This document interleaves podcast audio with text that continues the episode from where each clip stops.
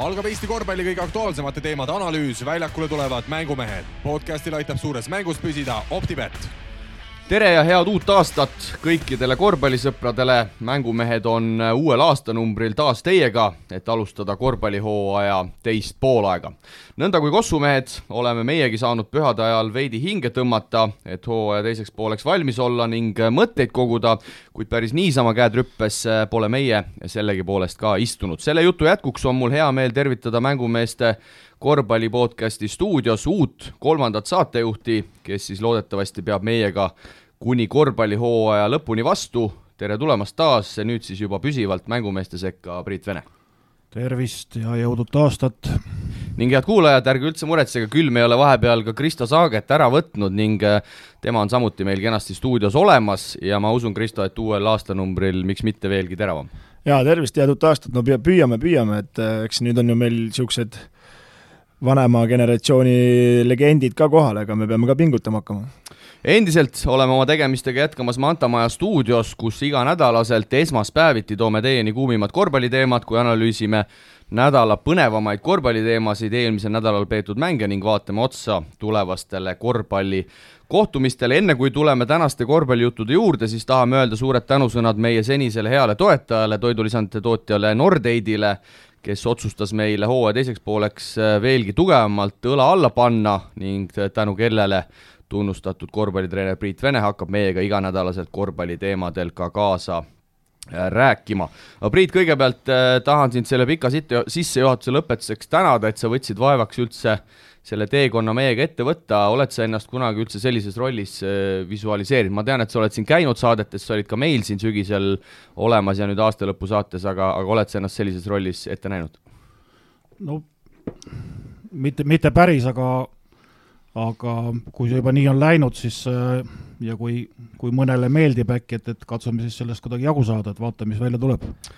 Kristo, kuidas äh, uus aasta tuli, ma küsin sinu käest? Rahulikult, rahulikult, maal võtsin vastu rahulikult ja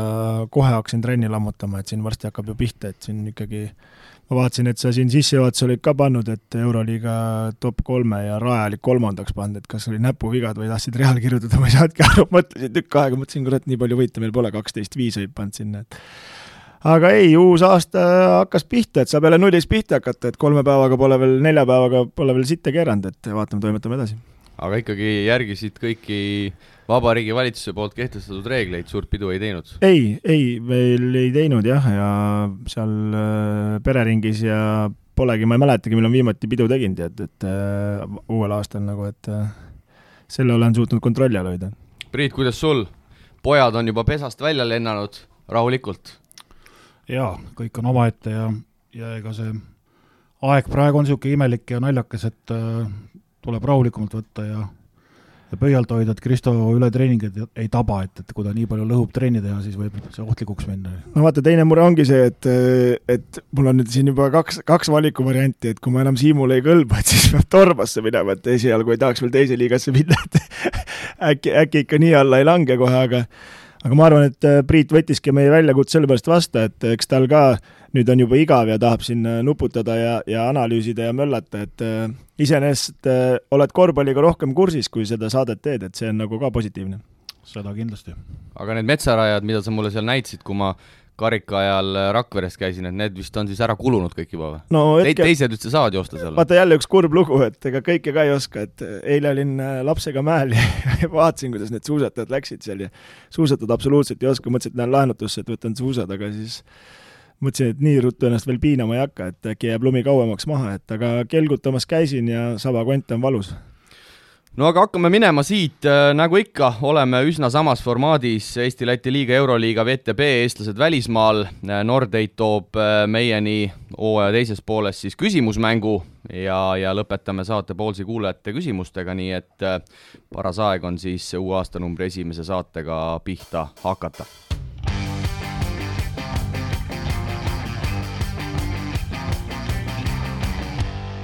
Eesti-Läti liiga, no selline hapukurgi, hapukurgi nädal võib öelda, mehed, üks mäng äh, vaid oli, aga ma arvan, et siin jutuainest äh, meil, meil tegelikult on, võib-olla alustame sellest, et äh, kõikides teistes liigades on mängud siis peatatud kuni veebruari alguseni, Saku esiliiga, Saku teine liiga, naiste esiliiga ja G4S noorteliigad, no mis see, Priit, Kuremaa meeskonnale kaasa toob, mingil määral trenni ju ikkagi seal regioonis teha saab? Sellist trennimis ette on nähtud või, või või lubatud, ütleme sellist ikka saab teha jah, aga ega see nüüd nii-öelda ikkagi võistkonnatrennina no, nagu päriselt kirja ei lähe, et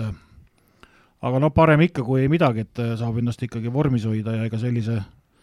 sellise talve ajal nagu korvpalli mängimine õues ei tule küsi, küsi või see ei tule küsi, küsimuse allagi üldse ja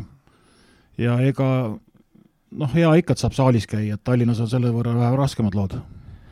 jah, et äh, kuidas muidu Tormas on ju niisugused äh,, no neid kutte ma natukene nii-öelda tean ja lapsepõlves olen nendega trennis käinud, et niisugused korralikud maamehed ikka tulevad trenni kohale ilusti?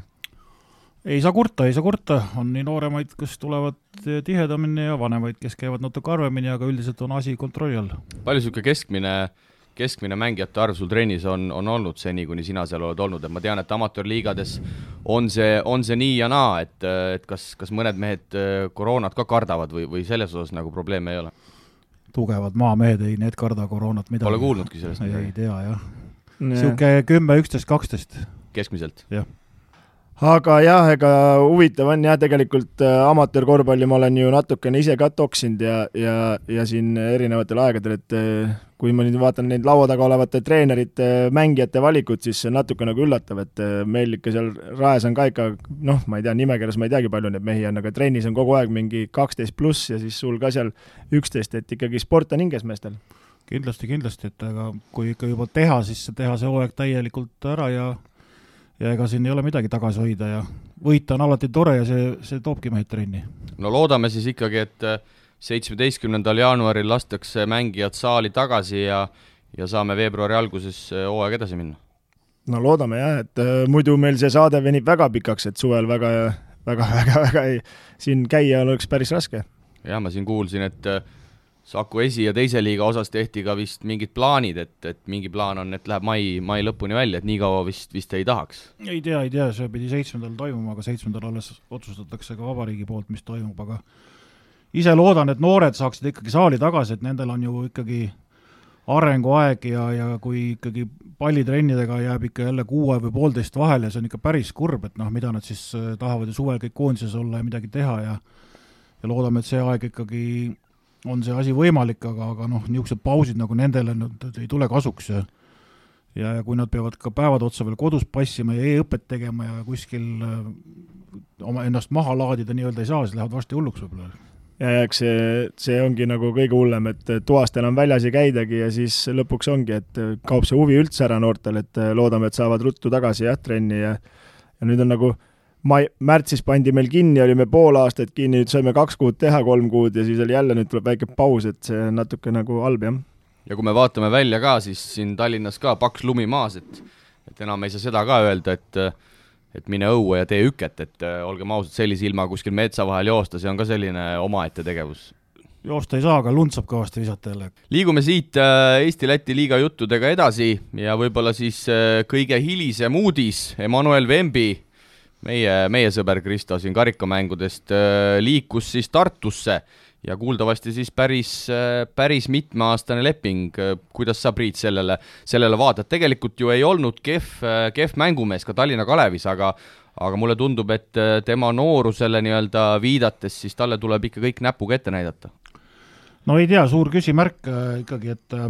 räägitakse küll, et Horvaatia liigas sai nagu hakkama ja kõik oli positiivne, aga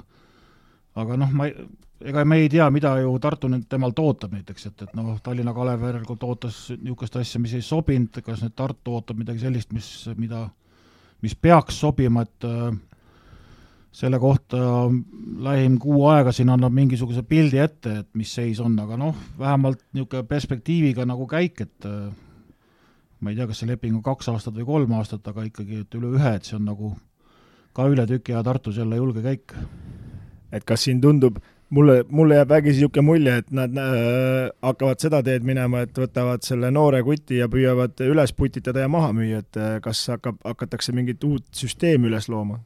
vot ei tea, ei tea, ei ole, ei ole suhelnud, et peab puurima hakkama. ja siin kuuldavasti kolmeaastane vist pidavat see, see leping lausa olevat, no siin mingid aastad tagasi tehti ju ka Tartus äh, kolmeaastaseid lepinguid, kas Kristo, sina olid ka vist seal meeskonnas või siis enam vist ei olnud? kahjuks ei olnud jah, et äh, kolmeaastased ei saanud, et mina olin Tartus siis, kui välismaalased olid veel, veel suuremad prügid ja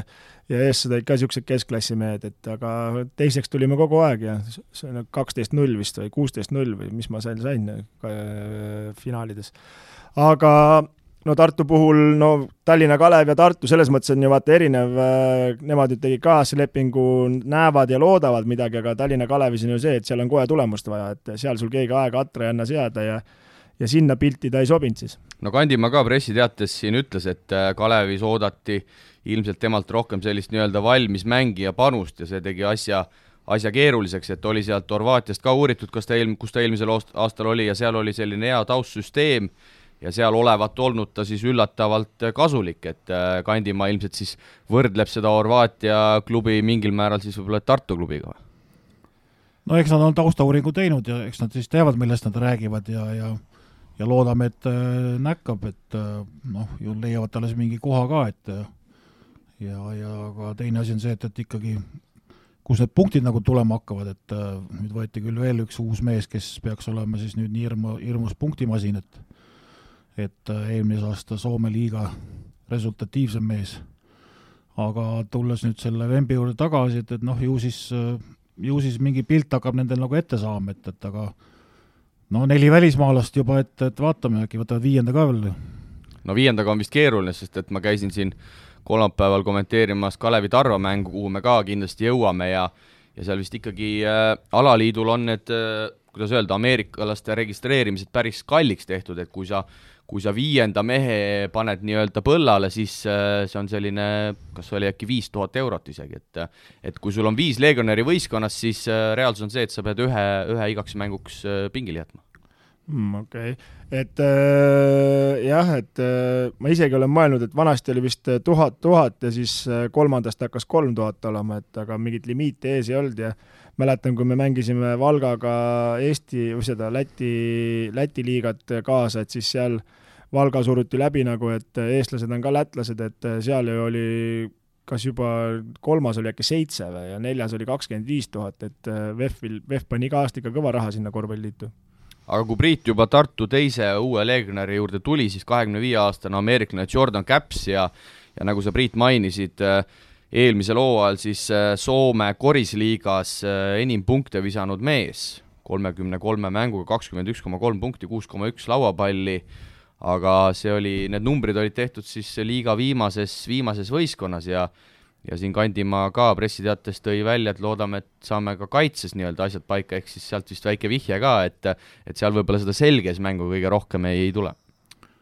no ei tea, kui sisse viskab, ega suurt vahet ei ole, et äh, kas ta mängib nüüd selge ees või nägu ees, aga, aga eks see kaitseküsimus jääb ikka õhku jah, et kuidas teda siis hakatakse kasutama või kuidas teda ära peidetakse nii-öelda või või mis mees ta üldse on, et see on ka jälle niisugune, eks siin mingi kuu aega peab jälgima, siis saab pildi ette. no ma arvan, et siin Tiidul ja äh, kandil on päris palju toimetamist, et kui see pole kaitsemees ja ega me ju teame, et ega Vembi ka mingi kaitsevõlur pole, et äh, aga, aga no kui, eks avalikkuse surve on nii suur lihtsalt olnud viimasel ajal, et äh, surutakse ja Tartu on nii kõvasti hammastel vajanud ja kõvad kolakad said siin detsembris, et eks nad peavad mingid muutused tegema ja pigem on neil siin ikkagi selle punkti viskamisega probleeme, et noored ei suuda seda kohta nagu täita, et kaitses nii palju nende noorte pealt ei, ei, ei kärise, aga noh, siin Toomas Raadik ja ja leedukas on ka niisugused küsimärgid, et ega väga palju juurde ei anna, et keegi sealt kinga saab tõenäoliselt. no Käps mängis üle-eelmisel hooajal Kosovo liigas ja ja see Kosovo sats mängis ka seal Balkani liigas kaasa, kus oldi taas viimased. Ja Balkani liigas siis koguni kakskümmend seitse koma viis punkti ja oli ka seal liiga parim äh, skoorija, et noh, ma ei tea, ma seda Balkani liiga tugevust ei tea, aga ma tean Balkani korvpalli, et et see ikkagi on ka mingi näitaja, et noh, ühesõnaga selle pika jutu kokkuvõtteks äh, skoorida see mees tundub, et mõistab. no see on asja üks külg, et head skoorib, aga tihtipeale hakkab siis juhtuma selline asi, et osad mehed peavad ikka oma ilma pallita mängima. Ross koorib ka, eks. ja, ja, ja siis lööb nagu augu jälle teistpidi sinna tegevusplaani sisse, et, et ei tea, kuidas see välja hakkab tulema. tahtsin just öelda, et Ross on ka ju Balkani liigast tulnud, et see paneb ka nagu kulda, aga, aga noh, ja et äh, päeva lõpuks ikkagi peab olema niisugune mängija, kes teeb võistkonna paremaks ja toob võidud ka, et äh, kahjuks äh, kui tabelisse kogu aeg nullid lähevad, siis see kedagi rõõmsaks ei tee. no räägime siis eelmise nädala ainsast mängust ka, kui kolmapäeval Sõle spordikeskuses Tallinna Kalev ja ja Rakvere Tarvas sai ise seda mängu kommenteeritud, ma loodan, mehed, et viskasite ka pilgu, pilgu peale või jõudsite vaadata? jaa, vaatasin. vaatasime ikka, jah. kuuskümmend, seitsekümmend kaks, no ütlesin seal ülekande jooksul ka päris korduvalt, et, et mõlema meeskonna poolelt selline väga, väga rabe lõhkumine, ma ütleks, et numbrite järgi ja mängupildi järgi Tarvas oleks pidanud selle mängu võib-olla isegi kahekümne punktiga võitma seal kindlalt, aga, aga ikkagi käkerdati ka seal päris korralikult.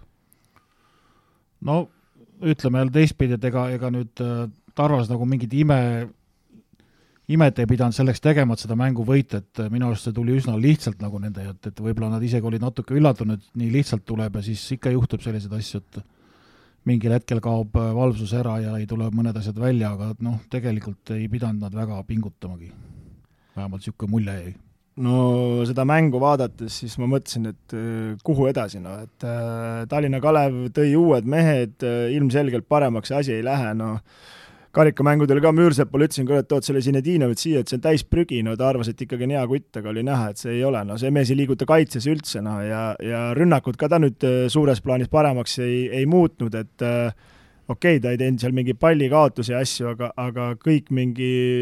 no mingi suva söötmine, et mingit äh, värki polnud, et üldse, et nad natuke korraks mängu tagasi said, siis nad panid ju viis-kolmest järjest äkki seal Pehka mingi korra avanes midagi, aga aga kokkuvõttes ikkagi sisu ei ole Tallinna Kalevil jätkuvalt no ma rääkisin esmaspäeval kaks päeva enne mängu Karl-Juhan Lipsuga ja no ma ei saanudki nüüd päris täpselt ära aru selle mängu valguses, Lips oli jubedalt tuhhi täis, ütles, et uued mehed on, on jube head, lubas, lubas ennast ka mul saates lausa tsiteerida, et Kalev hakkab nüüd Phoenixina tuhast tõusma ja ja kui viimati Estikatel medaleid jagati, siis Kalev oli, oli hõbedal, et, et äh, ütles, et ise ka, et endal on ka see, see tuhk tagasi tulnud, mis varem oli nagu kaotsi läinud, et äh, et ausalt öeldes, kui ma seda mängu vaatasin, siis ma ei tea, kas me saame Karliga erinevat moodi korvpallist aru? no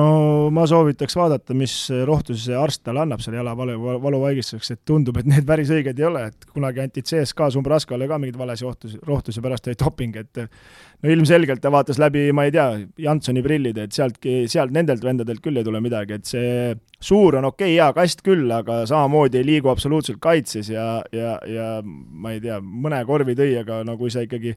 Lindmetsa ja Heisiga täis hädas oled, et siis on nagu, sealt ei ole midagi loota. noh, pluss küsimus nüüd see, et äh, viis välismaalast, üks mees, kes ei mänginud selles mängus, istus pingi peal, oli ühe trenni teinud.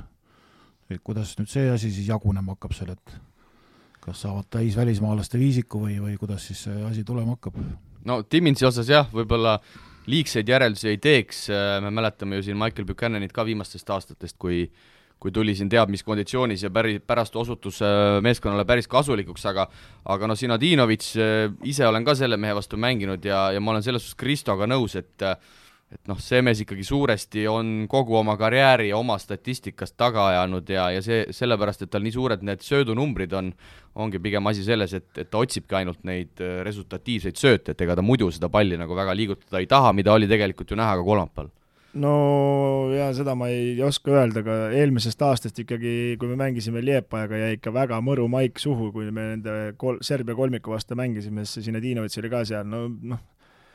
ma räägin, puhas läbikäigu hoov ja lihtsalt okei okay,, ta võib sulle kakskümmend panna, aga, aga vaste tuleb nelikümmend, et see nagu ei anna midagi, et no ma ei tea, Tallinna Kalevi mängus, kui ma üldse näeksin ise nagu seda, nagu oleks seal pingil või treener, no ma ei tea, ma tahaks näha rohkem agressiivsust või niisugust tapmisvärki, et äh, et öö, viis minutit mängivad normaalselt või enam-vähem, on ju, ja siis järgmised kümme kukuvad no nii auku, et no kelle, noh, ma ei tea, tule tee viga ära, ära lase panna, no ta, Rakvere ei pidanud ju üldse pingutama selles mõttes, nad väga kergelt said viskele ja väga lihtne oli see mäng nende jaoks. no Raili Heis, äh, Rakvere meeskonna siis äh, jutumärkides keskmängija, kaks null kolm pikk, siis ütlen ära ka, võtab üheksateist lauapalli selles mängus, no see näitab vist, äh, vist ka üht-teist no see näitab ikka väga paljut, et äh, kui selline mees saab korvi all möllata, no siis praktiliselt vastas ei ole üldse mitte kedagi, et, et või, või siis võtavad teda täiesti valed mehed või no ei oska selle Timmitsi kohta muidugi jah, rohkem midagi öelda, niisugune karumõmmi liigutustega oli, kas ta nüüd äh, pikast mängupausist tingituna või mis see nagu küsimus on, aga, aga noh, võib-olla kui tal tuleb mõni samasugune vastane, siis saame rohkem pildi ette, aga jah, nendega kergemate meestega tal küll midagi ei lubanud no siin jääbki ainult üks mulje, kui seda Juha-, selle Lipsu sõnu nagu siin mõelda, et siis no võime ise arvata, mis tase neil trennis on, kui ta seal näeb, et need vennad on nagu ulmehead, no siis ei olegi nagu mõtet nagu millestki rääkida, et et äh, mängus see kahjuks ei, ei, ei, ei näinud kuskilt välja ja minu arust ikkagi seda okei okay,, kui see Ross paneb kolmkümmend, nelikümmend, las siis olla pall tema käes, las toimetab, aga agressiivselt nagu teistelt vendelt tahaks nagu rohkem näha, et noh, Jurt on, tšillib niisama ringi seal, lipsab palli, ma ei tea, üle viie-kuue rünnaku, kui üldse saab, noh, enamus aja oli pingil, noh et kel-, nagu visiooni ei ole, kelle pealt nad tahavad võita, no alguses nad tahtsid kõik Rossi kätte palli anda, et võidaks, teistel kadus enesekindlus ära. Pehka ka nagu puterdab nagu liiga palju minu arust, et äh, tahaks nagu rohkem kiiremaid liigutusi näha, et ta päris nii vana inimene ei ole, et ta peaks Saku esiliiga moodi ringi tilk-, tilkuma seal. ja Riley Hayes siis, nagu öeldud, üheksateist lauda, keskmine mehel siis seitse koma üheksa, ehk siis sealt tuli äh, tuli päris korralik äh, keskmise parandus äh, ja Kalevi poolelt ikka noh, Ross kakskümmend üks punkti, kümme lauda,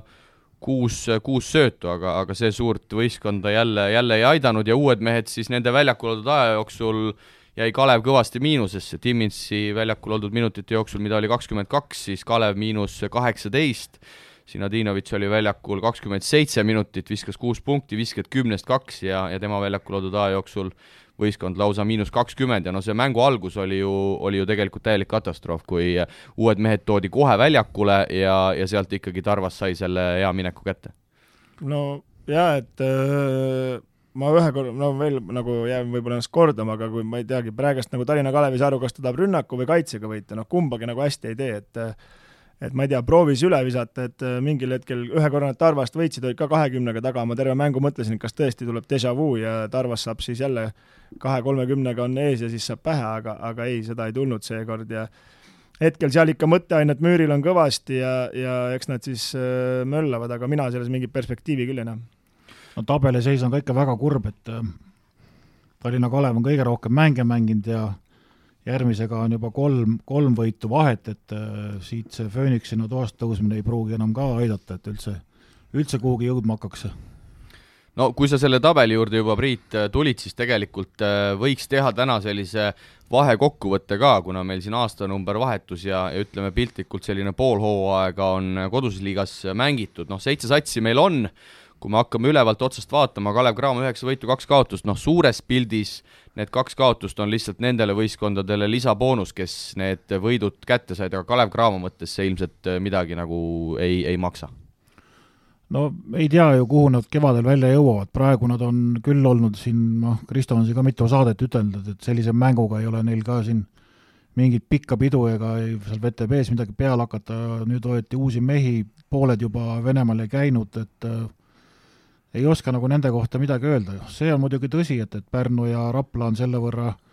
ühe boonusvõidu saanud, võivad kuskil komistada ja Rapla andis selle võidu ju kohe tegelikult piltlikult öeldes Rakverele ju ära tegelikult. et, et, et äh, aga hoiavad tabelis teist ja kolmandat kohta, nii et, et, et äh, selle, selle võrra kindlasti on nad äh, plussis. mis, Kristo, kõige üllatavam siin äh, siin tabelis antud hetkel on, kui siis Pärnu teine, üksteist kolm, Rapla kolmas, kaheksa kuus, Tarvas tõusis võiduga taas neljandaks, kuus seitse, TalTech kuus kaheksa, Tartu viis kaheksa ja Tallinna Kalev kaks kolmteist. No kõige üllatavam on see, et detsembri mängu, mis näitas Tartu, et neil on viis-kaheksa, nad on tegelikult seal äh, TalTechi ja Rakverega mängus, et äh, no iseenesest seda poole aasta pilti vaadates, siis võikski olla, esikolmik on siis äh, Rapla, Pärnu ja Cramo, siis on siis äh, TalTech äh, Pärnu, vabandust, äh, TalTech Tarvas ja ja Tartu siis noh, võitlevad ja no mina ikkagi jätkuvalt ei näe Tallinna Kalev mingit võimalust sealt lõpust üles tõusta, et aga Kalev Cramo juurde tulles, et siis kui me karikat vaatasime, siis nagu päike paistis ja kõik oli nagu super, et nüüd ootasime mingit ilget avanemist ja tõusulainet, aga kohe, kohe järgmises WTB mängus juba olid pooled mehed jälle puudu ja ja nagu ei olnud jälle nagu hästi, et see on nagu kuidagi kurb. ja kui me vaatame siit juba kevadesse, siis Estikate play-off'i osas minu teada esimene võistkond peaks saama otse poolfinaali, ehk siis noh, suure tõenäosusega, olgem ausad, Kalev Cramo, ja Kalev Cramo ootab endale siis paarilist äh, kohtadelt neli ja viis, kes mängivad siis omavahel veerandfinaali, no need on, Priit, äh, finaali pääsemise mõtete osas äh, kohad kõige kehvemad ilmselt. No tegelikult ju on ikkagi veel aega, et ärme hakka nüüd seda sättima, et, et siin võib olla paari kuu pärast täitsa teistsugune ei, seda küll, et võistkonnad võivad liikuda, aga, aga ikkagi noh, Cramo, ma usun, et sa oled minuga nõus, ikkagi ilmselt selle põhiturniiri võidab, seal ei tohiks küsimust olla. jaa, see on kindel, et noh, võivad siin mõne veel küll kaotada, aga kokkuvõttes ikkagi neil kvaliteeti ju peaks ju olema nii palju ja kindlasti on ka. ja, ja eks siin teised siis vastavad võimalustele, et, et noh, Kristo on siin kunagi ütelnud, Rakverel näiteks niisugused pausid ei meeldi, et, et noh, nüüd aga saame hakata jälgida, siin uue aasta paus on päris pikk siin mõnele satsile, et, et mismoodi Rapla ja ja TalTech ja, ja Tartu oma uute meestega siit nagu välja tuleb, et, et noh, see varsti hakkame rääkima siin TalTechi ja Tartu mängust, et, et see on üks päris niisugune murdeline, murdemoment võib-olla. Ja et eks siin äh, varem veel kedagi siin, et öö, äh, oleme ausad, ega Pärnu pole mingit supermängu näidanud, aga ta ikkagi on võtnud kõik öö, äh, endast nagu allpool olevad või noh, ütleme teised võistkonnad ära, et pole väga palju ära kukkunud, et kui nüüd äh, ikkagi Pärnu suudab äh, jätkuvalt äh, kõik mängu lõpud ära hoida, ütleme nii, et nad pigem on kogu aeg ees olnud, aga lõpuks on väristama hakanud, et siis Cramo kuskil veel komistab, siis võib hoopis Pärnule see, kes läheb kohe ja siis on hoopis kellelgi teisel pahandusmajas, et Cramot seerias ei võida kindlasti, Eesti meistriks tuleb nii või naa et siin ei ole nagu minu arust küsimust. no spekuleerime veidi ka Pahv Eesti-Läti liiga võtmes, kui ikkagi äh, kõik hästi läheb, vaktsiin hakkab töötama ja, ja nii edasi ja nii edasi ja me saame kevadel alustada Pahv Eesti-Läti liiga veerandfinaalidega, siis äh, kui me vaatame siia Läti poolde ka, mõlemast äh, nii-öelda turniiritabelist peaks esimesed neli edasi minema ja hetkeseisuga oleks siis paarid sellised, et Riia VEF läheks, läheks siis meie neljandaga, Riia on siis hetkel esimene, Rakvere Tarvaga, no ilmselt ei ole vahet, kes sealt tuleb, seal oleks asi selge. No kui vaadata VEF-i mängu praegu, siis, siis tõesti, need käärid on nüüd päris suured, et siin ei ole üldse vahet, kas sinna läheb Rapla või TalTech või, või Rakvere või Tartu, et seal ei tohiks nagu küsimust olla. Ma isegi ütleks niimoodi, et seal ei ole isegi vahet, kui tuleb Cramo, noh, et äh, hetkeseisuga paneks VEF Cramo sellile, nii et äh, poleks mingit küsimustki, et äh, olen ausalt, olen mitu korda jäänud vaatama seda meistrite liiga VEF-i mängu ja nad tõesti nauditavalt mängivad ja kuidagi need välismaa pusled on nii hästi kokku saanud ja ja, ja na-, naudinguga panevad, et need on küll head valikud see aasta teinud. ja hetkel siis Läti poolelt teine, Pekka Ventspils, kümme võitu, kaks kaotust, me siin hooaja alguses olime Ventspilsi osas üsna ettevaatlikud, aga tegelikult äh, Ogrele on ikkagi selgelt tagatulesid näidatud Ventspils on äh, tublilt üllatanud, et ikkagi eelarve kukkus, nooremaid mehi võeti kõvasti sisse, aga, aga no nende enda korvpallikool on tootnud materjali ja ju nad on jällegi need õiged mehed siin endale kokku saanud ja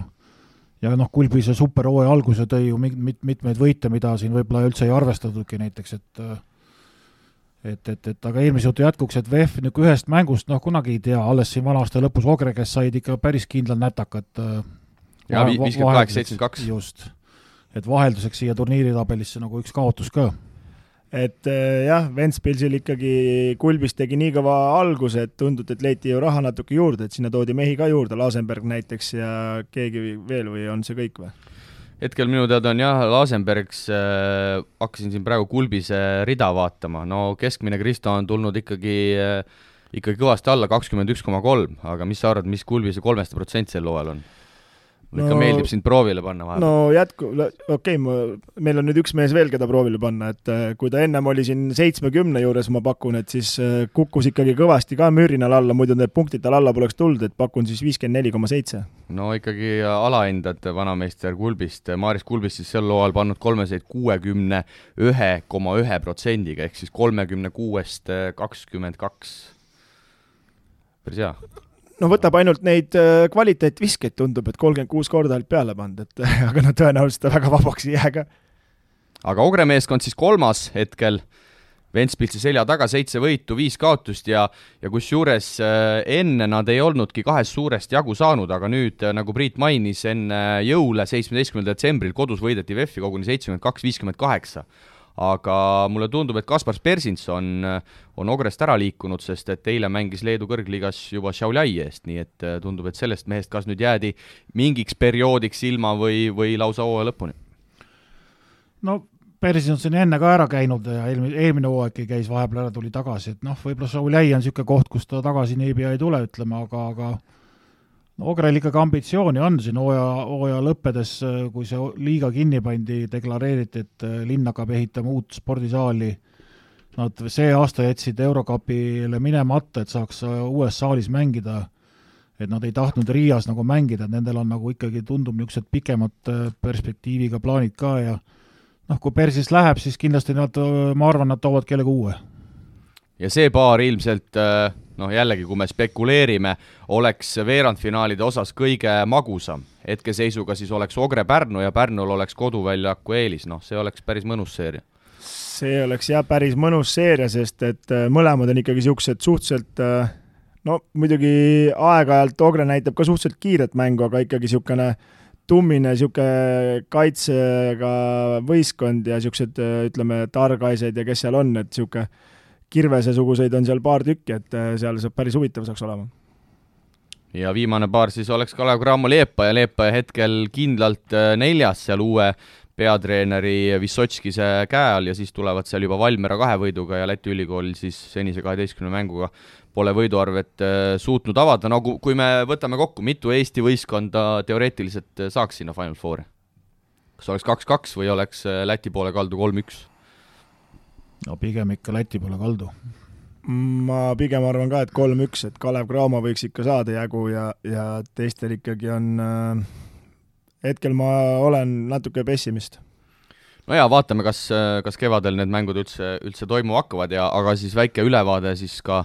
ka Läti, Läti turniiri, turniiri tabelist. järgmisel nädalal siis äh, Eestis äh, viis mängu, kui kolmapäeval mängud taas jätkuvad. Kalev Cramo Rapla, Tallinna Kalev äh, Tartu. no kindlasti Kalev-Tartu on päris huvitav vastasseis, mõlemal meeskonnal uued legionärid, saab olema huvitav jälgida. no Tartuga saab pildi ette, just rääkisime sellest TalTechi mängust, mis võib üsna otsustav nagu tulla, et me teame ju, et Toomas Raadikul on katseaeg, see peaks mingil hetkel läbi saama, kas ta jääb võistkonda, kas ta või peab lahkuma, noh, midagi ta peab näitama ka lõpuks, et miks ta sinna nagu üldse tuli, et no Kalevil on, eks me siis ootame seda lipsu Fööniksist tõusmist, tõusmist jah, et, et vaatame, mis sealt siis tuleb. No jaa, Tartule on selles mõttes hästi, et Tallinna Kalev tuleb kohe vasta, et äh, sealt on kindlasti neil võidupunkte vaja ja uutel meestel hea sisse elada, et seal nagu kõige lihtsa, kõige raskem ei tohiks olla paugutama kohe hakata seal uuel kutil, et seal on kogu aeg saalis vaba olla ja, ja tuul puhub, et äh, aga elame-näeme ja ja ka Cramoga on ju see lugu, et kolmapäeval mäng kuuendal, jah jah, Graamo Rapla ja Graamol on siis kolm mängu sel nädalal, kaks no, VTB mängu ka. öelda, et VTB mäng on ka, et võib-olla see fookus jälle ei ole nii üleval, et nagu me teame, Raplaga on ju praegast nullis, et kahega võideti ja kahega ka kaotati, et äh, seal võib üllatusi tulla. no Tartust rääkides, äh, siin on olnud jutte ka, et et võib-olla leeduka Baltšunase koht ei ole seal, seal niivõrd äh, kindel, et, et tema ei ole ka võib-olla neid ootusi õigustanud just pärast äh, Reimanni äraminekut, et kindlasti selle nädala mängud, ma usun, nii Raadiku osas kui, kui Baltšunase osas saavad päris otsustavaks. no jah, loodame, et, et ega me ei tea, mis seal toimub, et kas tõesti jätavad neli välismaalast või, või võt-, saadavad kellegi ära ikkagi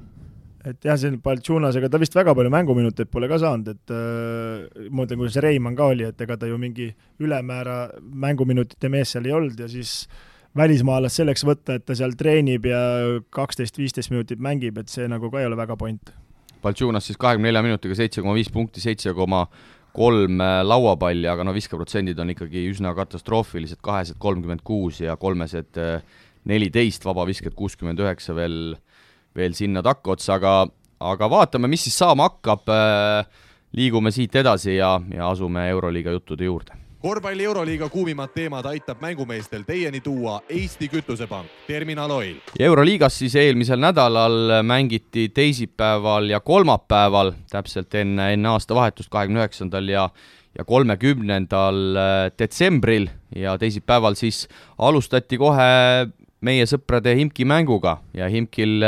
ei midagi uut päikese all koduväljakul olümpiaakoselt äh, kindlalt tuli tuppa kaheksakümmend kaheksa, sada, sada viis ja korrati siis uudse modernse Euroliiga kõige kehvemat hooaja algust, kui äh, sarnaselt Arusofakale siin mõned hooajad tagasi tabelis kaks võitu, viisteist kaotust. no see on karm, karm, kuidas raha põleb, et antiiki kaminasse. jaa, et Tallinna Kalevil on ka kaks võitu, näed, et täitsa nagu võrreldavad ma tõmbasingi kommenteerimise all väikse niisuguse paralleeli, et et, et aga ei tea, no nüüd oli olnud mingisugune koosolek, räägiti ja, ja kõik peaks nüüd hirmsasti tahtma hakkama järsku, et aga, aga, aga mis, mis seal tehakse, mingeid muudatusi oli kirjas ja treeneripinki praegu rohkem ei puuduta, oli kirjas ja kõik peavad aru saama, aga, aga niisugune kuma oli nagu sees, et ikkagi VTB-s peaks proovinud päästa, mis päästa annab, et Euroliiga vist on läinud see on ka ikkagi päris müstiline, et niisuguse rahakoti juures, niisuguste rosteri, niisuguste meestega ütled, et okei okay,, meil nüüd pool hooaja pealt Euroliiga on läinud, et nüüd hakkame VTB-ks ja toome Huerteli, kes päästab meil VTB, et võib-olla Huertelil hakkab ka päike paistma, et CSKA meestega juba rääkis lennujaamas, et nüüd äh, tõmmatakse Moskvasse ära, aga aga äh, seda uudist ei lugenudki välja, et miks äh, Timot ja Prekapolt, kas said kinga või? No ametlik info oli, et ikkagi mingid haigused, vigastused seal olid, aga no seal on kõik haiged kogu aeg. no igatahes saalis olid, saalis olid äh,, olid, olid mehed olemas, aga Greg Monroe on, on igatahes võistkonnast lahkumas, et otsitakse, otsitakse varianti, kuidas see leping lõpetada siis kuulsa NBA mehega, kes ju tegelikult Ameerikas on ka väga, väga kõva kar-, karjääri teinud, aga tundub, et sellel mehel viskas siis esimesena ehk endale üle no see on jah, ainu-, ainukene ametlik info, et tema nagu läheb, et teisi praegu pole rohkem nagu mainitud, et et ei tea, mis seal toimub. aga jah, selle imki mängu juurde nüüd tulla, siis äh, nüüd juba päris tükk aega on juba nii olnud, et no muidugi see, mis nad Valenciaga mängisid, no see oli ikka, on ikka, ikka kosmos, no seda mängu ma vaatasin ja ma ei suutnud uskuda, et nii sita korvpalli saab üks Euroliiga võistkond mängida, no nii tujutult ja nii kehvalt, et aga, aga ma ei tea, nagu rünnakul pall liigub, Swed liigutab, sisse ei viska, siis vahepeal viskavad sisse, aga, aga niisugust tunnet, et nad võita võiks, nagu ei teki ühtegi korda, noh, ja seal ikkagi päris julm ja ja ma ei tea jah, et seal enam sealt tõusta ei ole, aga no see McCollum ka nagu, see treener ka nagu ma ei saa aru, vahepeal paneb kolmkümmend minti, paneb McCollum, siis järsku saab kaks minti, siis tuleb minu sõber Vjatšev tuleb, paneb, lammutab kuuest viis lataki sellele olümpiaakosele, noh et siis no ma ei tea. ma just tahtsingi selleni jõuda, et et tundub, et Kurtinaitis on ka ikkagi korralikult sõlmes omadega, et äh, Kristo võttis mul sõnast, sõnad suust, et äh, McCollum üks mäng tõesti kolmkümmend minutit, siis saab neli minutit, äh, Vjaltsev viimane mäng sai kakskümmend üks minutit, pani ka seitseteist silma, kolmesed kuuest viis, et, et kas ta siis tõesti otsib seal nüüd seda varianti või, aga üks on kindel, Šved mängib muidugi oma minutid ära. no Švedi ei puudutata jah, et see on nagu raudnael teistega järelikult käib kas mingisugune tõestamine või kasvatamine või niisugune otsimine, et, et, et antakse natuke ühele ja siis jälle teisele ja kui üks sõna ei kuula, siis ei saa üldse ja siis öeldakse, et mine ja näita nüüd siis, eks ju, noh, siis peab kolmkümmend minutit seal möllama. aga no omavahel ikkagi see on vana tõde, et kui ostad liiga palju nagu nii-öelda liiga häid mehi kokku, ega siis mängu ikkagi ei tule, et, et noh, niisugused musta töö mehed on seal üldse ära jäänud ja noh, Vjaltsev tuleb ka, ega ta enam ka ei mõtle, et ta peab hakkama mingit söötu andma, asja kallab ka peale ja kui sisse läheb, on käed püsti ja ja nii ongi täpselt ja aga võita ikka ei tule, noh et see on selle tulemus no see on ka muidugi päris kummaline, et detsembrikuus katsetame, kellega mängida, no see on ju, ma ei tea, see võiks juba oktoobri lõpuks selge olla, kellega mängida, et kui selle Craig Monroe juurde tulla, siis hooaja alguses see mees ikka lammutas päris hästi minu arust ja sealt alt tõstis ikka asjad ära, aga, aga siis järsku vajus ka ära ja see Vjaltšev oli ka vahepeal kadunud, oli haige või? oli McCollumi asemel keldris, seda ei olnud vahepeal mingi Vjeltšev andis äh, plaksu, nagu ta on viimased aastad Aa, tehtud okay., ma vaatasingi eelviimases mängus Valencia vastu ei saanud minutitki ja nüüd järsku Kurtinaitis otsustas, et et las läheb proovib, aga tegelikult tuli ju, tuli ju päris, äh, päris hästi välja, aga minu küsimus on, kui see Hertel nüüd sealt Barcelonast tuleb, no seal ei ole ju tegelikult ruumi, seal on Swed, seal on Jovit, seal on Zaitsev, seal on McCollum, et, et kuhu ta siis, seal on Bertans, kuhu ta seal tagaliinis siis pannakse, no keegi peab ju sellisel juhul ikkagi lahkuma. no keegi peab lahkuma jah, et, et äh, ma ei tea, rohkem pole nagu Vene meedias sellest praegu mingit juttu olnud, aga, aga eks peab jälgima ja võib-olla järgmine oleme targemad no Jovitsi koha peal on ka muidugi päris suur küsimärk, et äh, ma ei tea, mis minuteid see mees üldse sel aastal mänginud on ja ka äh, ütleme, natukene nagu veits imelik on öelda, aga nagu Edi Zinadinovitš, et päris täpselt aru ei saa, mida ta seal väljakul teeb ja siis mingi mäng ma vaatasin, siis ta natuke tujutses ka seal, et kui Swed, Swed seal liiga palju toimetas ja miks ta jälle mängida ei saanud ja mingid teemad, et see on ju nii episoodiliselt väljakul käinud, et mingit kindlust saagi olla ju. no esimene treener sai siis sel hooajal ka kinga, kui no jõuluõhtul Šaša Obradovitš siis äh, sai teate, et äh, Zvezda on ta nii-öelda vallandanud, kogu treenerite tiim äh, vahetati välja ja asemele võeti siis tuttav Dejan Radonitš, kes siis eelmisel aastal juhendas Müncheni Bayernit, sai sealt poole hooaja pealt kinga, aga on enne ka Zvesta eesotsas olnud ja ja uue treeneriga siis võeti koduväljakul kohe Panathinaikos ära, et päris pikalt pidime sel, sel hooajal ootama, aga lõpuks ikkagi esimene mees sulasappa sai. no eks see koroona ja need meeste puudumised on ikkagi andnud nagu natuke seda aega, ütleme, et ega noh, tegelikult kui me tuleme tagasi Himki juurde, siis nad olid ju hooaja alguses ka ju üsna lääbakil pehi polnud ja käisid seal mingisuguste vahetusmeeste ja noortega võistlustel ja, ja ja see on võib-olla nagu seda asja natuke, ütleme, nagu leevendanud, aga, aga nüüd käis jah, esimene õtakas siin vana aasta lõpus ära, et, et et, et vaatame, kes siin siis nagu järgmised kandidaadid võivad olla, et kes, kes nagu esikaheksasse ei mahu, et, et oleks siin no Ehves on võib-olla siin suur küsimärk, et, et eelmine aasta olid, mängisid väga hästi ja nüüd ei tule nagu üle päeva ainult, et ei teagi, et Maccabi ei ole kaheksa hulgas ja Fenerbahce ei ole kaheksa hulgas ja siin neid kandidaate nagu veel on, et jah, mulle endal isiklikult tundub, et see Ataman niipea sealt kinga ei saa, sellepärast et Ataman ikkagi eelmine aasta tegi, et talle nagu on krediiti kõvasti antud, aga, aga võttes seda Svesta treeneri nagu lahtilaskmist, siis see nagu tundub nagu kõige huvitavam, et tegelikult nad olid kogu aeg mängus ja, aga lihtsalt näe, ikkagi võit loeb ja, ja ja kui ikkagi tabelisse võite ei tule, siis kahjuks saad kinga, et siis, kui me võrdleme Svestat ja Imkit, siis see nagu öö ja päev ju. jah, viimasest äh kui ma ei eksi, kas seal oli seitsmest äh, kuus mängu tuli tuppa ja, ja üldse vist viis võitu oli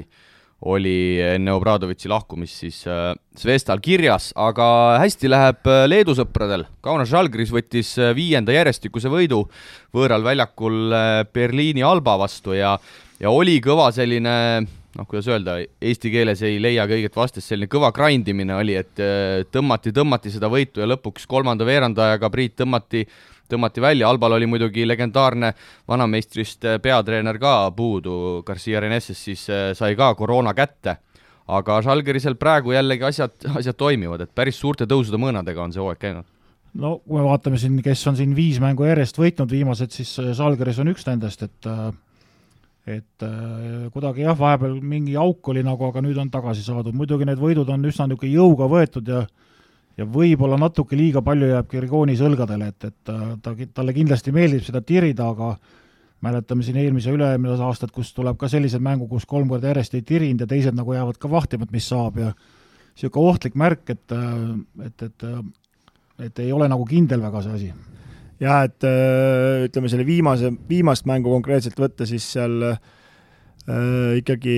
tahtejõu pealt või ütleme, selle et Leedu tuhhi pealt see mäng ikkagi võeti ära sealt Saksamaal ja, ja seal ikkagi äh, selle Heisi loomustamisega kolmanda veerandi algus saadi see kindlus kätte, aga jah, veenvalt pole need tulnud ja aga no ikkagi mängu nagu on selles mõttes ja võistkond hingab ühtlaselt ja, ja tunneb, nagu mehed nagu naudivad seda mängu, et see on nagu minu arust põhiline ja hetkel ikkagi midagi halba tabeliseisus ka pole kuidas äh, mehed Jokupaitise senist hooaega hindate, võrreldes eelmise aastaga on kõvasti minuteid juurde tulnud, sel hooajal keskmiselt kakskümmend üks, eelmisel hooajal Jassikevitši all keskmiselt kuus minutit ja punktid ka siis sel hooajal kaheksa koma üks versus eelmisel hooajal kaks koma kaks. No üsna loomulik areng, et äh, kui me siin aasta lõpu saates rääkisime, et äh, Ger Kriisa peab kõvasti kere tegema, siis temal tegelikult ju see kere on olemas ja, ja jalg on päris terav ja ja vasak käsi annab kindlasti mingisuguse eelise ja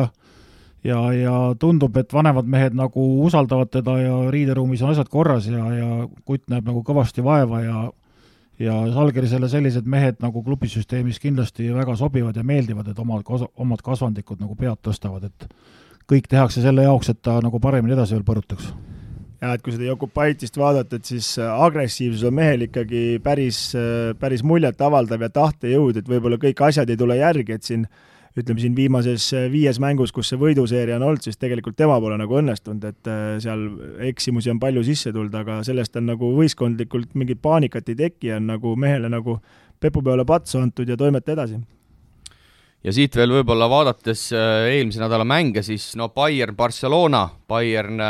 võtab kõva võidu, Barcelonale peaks olema nüüd kolmas järjestikune kaotus. Ja, ja Baldwin siis MVP vääriline õhtu, kakskümmend üheksa punkti, seitse söötu ja, ja Pirr siis nelikümmend üks ja Trincheri veab siis oma meeskonna taas võidule ja, ja Bayern äh, tõuseb siis Barcelona kõrvale kolmandat-neljandat kohta jagama turniiri tabelis, üksteist võitu, kuus kaotust, no Barca on vigastustega hädas, puudu Mirotic, äh, Davies, Klaver, ega, ega seal ka selles osas lihtne ei ole. ei ole, ei ole jah, ega ja, ja noh, võtame siin järgmise mängu ka veel, ütleme, et CSKA siin võitis lisaajal tegelikult Armanit ja, ja mis näitab, et see pilt on natukene sassis, seda ütles ka Vatutin, et, et et, et nemad on nüüd nagu tavaliselt iga uue aasta alguses ja vana aasta lõpus on ikka äravajumine toimunud. et saavad seal mõned üllatuskaotused ja mingi niisugune teema, et praegu pidi nagu võistkond olema hoopis teises konditsioonis, sest osad mehed alles tulid nagu täishooga peale, ütleme, Ilotinov on ikkagi nii palju juurde andnud. Barca nüüd näitab just sedasama klassikalist auku, et, et algul maadeldi seal oma süsteemide asjadega, siis saadi nagu korralikult käima ja nüüd, kui paar meest on ikkagi ära kukkunud, siis on ikkagi kohe saadud nagu vastu, vastu, vastu kukalt ka, et äh, noh, aga kindlasti on neil aega jällegi kosuda, ütleme kevadeks, et tabeliseis praegu nende jaoks tegelikult nii hull ei ole, et äh, siin mõned võidud ja saavad jälle ree peal tagasi. jah, et siin Barcelona mänge vaadates siin jah, et alguses ju tulid ilge hooga peale ja tundus, et ongi nagu võitmatud, aga, aga nagu vahet ei ole, kui suur see klubi on, et kui sul ikkagi kolm tähtsat mängijat ära võetakse, et äh, ikkagi oleme ausad, Pustovohi ikkagi Davise ja Mirotitsi kohta ära ei täida, kuigi tegi päris okei okay mängu Bayerni vastu, aga aga kuidagi just äh, viimasel ajal on nagu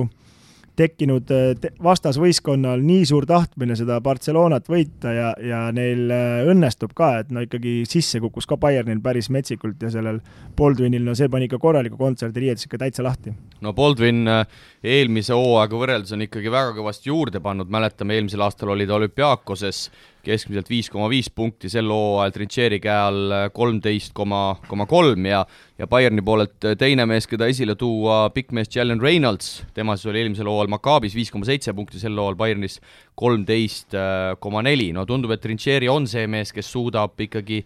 kuidas öelda, ka neid muruniidukeid putitada no praegu on jah, see pilt on nagu, nagu nende jaoks ikkagi päris hea, et, et üsna niisugune kuidas ma ütlen siis, äh, niisugune vaba korvpall nagu tuleb ja jookseb see mängija ja nagu ei tehta ühestki asjast väga tõsiseid probleeme, et aeg-ajalt see Trincheri teeb küll seal kurja nägu ja prilliklaasid lähevad uduseks, aga, aga üldiselt nagu kutid kõvasti rabavad kaitses ja, ja eks seal ole ka tegelikult see klubisüsteem on ikkagi noh, ikkagi ehitatud üles niipidi, et hakati nagu altpoolt tulema ja kasvatatakse kõigepealt klubis inimesed ja tahetakse nägemus ja ja, ja see Saksa liiga kasvab kõik niimoodi ja, ja ega siis see, ega need satsid ju näitavadki seda, et Saksamaa ikkagi on tõusuteel ja praegu Bayern näitab küll väga head mängu, et äh, ma arvan, see on just sellepärast, et et niisugune meeste kokkuklopsimine nagu või ostmine on väga õnnestunud, nagu sa ütlesid just, need, kes eelmises satsides nagu ei teinud, oli mingi nägemus, et need võiks meile sobida ja palun, need teevad jaa, et siin äh, ju toodi see Joan Johnson oli äkki see või mingi Johnson ta oli ja siis äh, Kiss toodi ka veel juurde täienduseks, et äh, mingeid erilisi minuteid ei saanud, aga oma asjad tegid ära, aga just mis Partsa mängus mind nagu tähele pani, et Partsa tuli ju väga hooga peale, läksid kohe kaheteistkümnega ette seal äkki või? Ja no pluss kümme oli kindlasti, aga Trintseri näost või nagu Bayerni võistkonna nagu äh, Äh, kehakeelest oli aru saada, et noh, see pole probleem, et mängime oma asja tagasi, edasi, usume sellesse, mis meile on ette antud ja no lõpuks panid ju paki, noh, praegu kahekümnega ei tee see. ja kuulasin siin pühade ajal Euroliiga podcast'i ka, mida siis äh, Joe Arlauskas veab, äh, Trincheri oli seal külaline ja kõikidele kuulajatele soovitan, et väga, väga hea ja, ja mis kõige olulisem, huvitav, huvitav kuulamine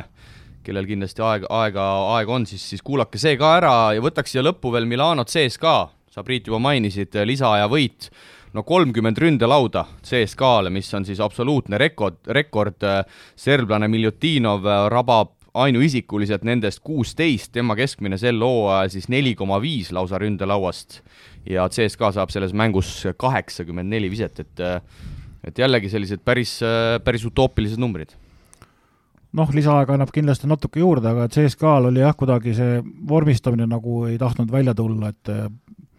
küll see Milan nagu pakkus ja, ja siis CSKA nagu ei võtnud vastu ja siis jälle tundus nagu, et CSKA juba hakkab ise pakkuma ja ja, ja noh, ikka niisugune üles-alla käis, aga, aga noh, kohe pisa algul kaks-kolmest jutti ja oligi põhimõtteliselt mäng tehtud. Et jah, mul sellest mängust jäi niisugune mulje, et no Milutinov on kõva, kõva jõud ikkagi CSKA-le ja CSKA on hakanud temaga harjuma ja sinna alla ikka, kui see pall jõuab, siis sealt tuleb korv ka, aga aga endale jäi niisugune mulje, et ei tea, kas seda äh, meie Mike James siis nagu nii palju ärritas, et Äket on tagasi, et temal nagu endal kuidagi pidi seda palli jagama ja noh, võttis küll palju viskeid ikkagi päeva lõpuks, et mis tal oli, mingi kakskümmend neli seitse või kakskümmend neli viset, jah. jah, kakskümmend neli seitse, et ei kukkunud ka enam nii nagu, nagu siin ütleme, eelnevad kuus-seitse mängu, kus ta ikka pani ulmeprotsendiga ära, et kuidagi nagu ma ei tea, kas Äket nagu mõjus talle, Äket ise pani ka üheksateist, et aga aga ei, väljakul paneb patsu ja värki, aga jah, eks mingi hetkel tuleb seal sees ka see mõõn. jah, pani seal, ma olen nõus äh James ikkagi päris segast jälle, jälle kohati, et selline meie, meie Graamo Keen tuli seal, seal meelde, et ei, eriti siis, kui need visked ei kuku ka, siis, siis muidugi see kõik jääb rohkem äh, rohkem silma ka, aga Miljutinov siis äh, oma kahekümne kuuendal sünnipäeval siis äh, tõmbas kuusteist ründelauda, ründelauda alla ja, ja CSKA ikkagi liigub võidult võidule, turniiritabeli tipus neliteist võitu, kolm kaotust, noh, meil siin ka korvpalliringkondades siin nii Tuudist kui Laasot juba vallandati hooaja alguses igal pool, aga näed, CSKA ja Real on kahekesi tabeli tipus. Ja nii on, et äh, ma ütlen, et natuke antakse kauem aega selle aasta käigus, aga tulles viimase mängu tagasi, Mike James, okei okay,, noh, ta võtab oma visked ära, seal ei ole midagi teha, aeg-ajalt vaidlevad, aga noh, palun selles mängus üksteist söötu. seitse pallikaotust, noh, niisugune jõuga ajamine, nagu see käis, täpselt ega need numbrid ei valeta selles mõttes, et, et noh, kui, kui keegi tahab nagu jälgida, millal mängu nagu pööre tuleb, ütleme siis, äh, kui te vaatate online'i samal ajal ja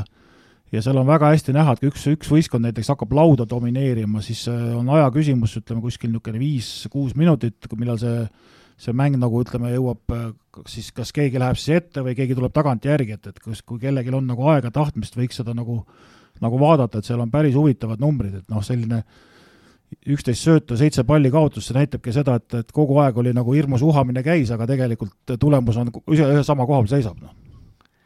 et äh, Mike Jamesi kohta ma tahtsin just öelda, et üksteist söötu, aga vastasvõistkondadel on nii kõvasti nagu pähe tambitud ka, et sellele ei jookse kas või keskjoonele järgi, et paar korda vaatasin mängu jooksul, et mees sai kümnele meetrile palli, tegi viske vette, vastane hüppas kohe, noh. kohe oli, arvas, et äkki panebki hull peale, vaata, ja äkki paneb ära ka veel, et aga no midagi ei ole öelda, mees ikkagi tekitab endale ruumi päris hästi ja kui CSKA mehed need visked sisse ka panevad, siis need söödud tulevad, aga noh, seal träppimisega ja mõnikord muidugi läheb liiale, et seitse on võib-olla palju, aga niisugune neli tema, tema agressiivsuse kohta, ma arvan, päris okei okay pallikaotust. No võtame siit ka väikse turniiri tabeli vahe, vaheanalüüsi, ma kiirelt loen siin hetkel top kaheksas olevad meeskonnad ette, nagu öeldud, CSKA esimene neliteist kolm, Real kaksteist viis, siis tulevad Barca, Bayern üksteist kuus, Zeniit kusjuures minule küll üllatuslikult viies kümme viis, Žalgiris Valencia kümme seitse ja top kaheksa siis lõpetab äh, Milano üheksa võitu, äh, seitse, seitse kaotust, no kes kes võiks siit äh, teoorias hakata hooaja teises pooles kukkuma, kes altpoolt tõusma, kui nüüd just mängupilti vaadata viimastes mängudes? Ei tea, sinu, sinu lemmik Valencia võib-olla kõigub natuke rohkem, aga kui nad siin ikkagi üle mängu suudavad mingisugused võidud ära võtta, ega siis äh, ega teistel ei ole lihtne neid nagu taga ajada, noh. Salgerisest rääkisime, et suur küsimärk, et äh, ega siin noh, jäävad kõikuma, seniit on, ütleme, erinevad Himkist on äh, ka ajakirjanduses olnud lugusid, kus, kus, kuidas nad äh, nagu teadlikult sellel aastal said oma võistkonda komplekteerida ja tegelikult seal ei ole selliseid superstaari nimesid ja, ja ja Matteus Bonitka, keda mõned mehed ennem ei võib-olla üldse ei teadnud, teeb seal suuri tegusid ja niisugune sats on nagu hästi balanssis ja mängivad naljakal kombel see, et, et äh, väljas mängivad paremini kui kodus, et nüüd just oli siin vana aasta lõpus intervjuu, et, et kui hakkavad nüüd kodus ka hästi mängima, siis tuleb võita veel rohkem juurde, et et, et, et äh, ei teagi, et kes siin nagu hakkab, kas siin keegi hakkab vajuma, võib-olla need alumised ei suudagi tõusta, noh et ega me siin sügisel sai korra räägitud, et kreeklased on äh, lahjad, äh, mõlemad äh, kaheksa hulgast väljas, noh kindlasti üllatus on see, et Venerbatši ei ole, ei ole kaheksa hulgas. Makaabi ka, ma usun. Makaabi oli ka niisugune jah, tookord arutasime ka, et kas üles või allapoole, noh, halvad panime julmalt viimaseks, palun, ei olegi viimane Beljevi kohast lahutab ainult kolm võitu, et, noh, Imki on siin kindlalt võtnud viimase koha ära ja Asvel nagu siin mõned mängud on üllatanud, aga noh, seda oli ka arvata, et ta ikkagi sinna allapoole nagu jääb, aga, aga noh, et Asvelil ja Panathinaikosel ühe palju võite oleks, noh, see oli jälle, seda poleks küll arvanud. Jaa, et äh, kui seda küsida, et kes allapoole hakkab kukkuma ja kes ülespoole tõusma, siis äh, ma ei tea, viimasel ajal võib-olla Venerbatsi ja selle Kuduritsi juurdetulek lisandumisega ja võib-olla veel ostavad seal midagi juurde ja kui kõik terved on, et siin, eks siin oleneb sellest ka, paljul kellel keegi terve on, et no selge on see, et CSKA, Real ja, ja äh, Partsa nagu väga ära ei kuku, noh, see on ka suhteliselt selge, et need ikkagi suudavad oma taset hoida ja ja ma muidugi ei näe väga põhjust, et seniidi mänge olen vaadanud ka, et kuidagi väga-väga nagu võistkondlikult ja pigem kaitsega võtavad neid võite, et suuri ärakukkumisi sealt ka nagu väga ei, ei, ei, ei tahaks näha ja Bayern on ka suht enesekindel, et et ei oskagi siin, ütleme, kõigi tõusjatest rääkida, siis ma ei tea, ma, ma isiklikult arvan, et Makaabil nagu seda potentsiaali on, aga, aga nad ei ole seda suutnud kuidagi, kuidagi nagu realiseerida, ikkagi neid nappe kaotusi on nagu nii palju, palju, palju ja viimases mängus nagu minu jaoks üllatuslikult seniidilt nii kindlalt koduväljakult pähe saada. aga mida võiks rõhutada, ma arvan, nende võib-olla nõrgemate satside vaatevinklist, et see edukas hooaja algus just nendele väiksematele satsidele, Bayern, Zenit, Žalgiris, Valencia, on ikkagi äärmiselt oluline, et no suured nagu me oleme ka näinud, on suutnud alt üles trügida pärast kehva hooaja algust, aga kui sa oled ikkagi selline nii-öelda underdog ehk siis outsider, siis äh, sa pead tegelikult hooaega, hooaega hästi alustama. no jah, sellest me oleme rääkinud, et teinekord see tabel ei, ei tahagi nii väga muutuda ja ja, ja on ka selliseid muidugi olnud siin paar aastat tagasi oli, kus see tabel muutus tegelikult äh, kolme viimase vooruga niimoodi, et, et praktiliselt äh, viiendast kuni kaheksandani kohad kõik vahetusid jälle, et, et oli niisugune tasavägine hooaeg, et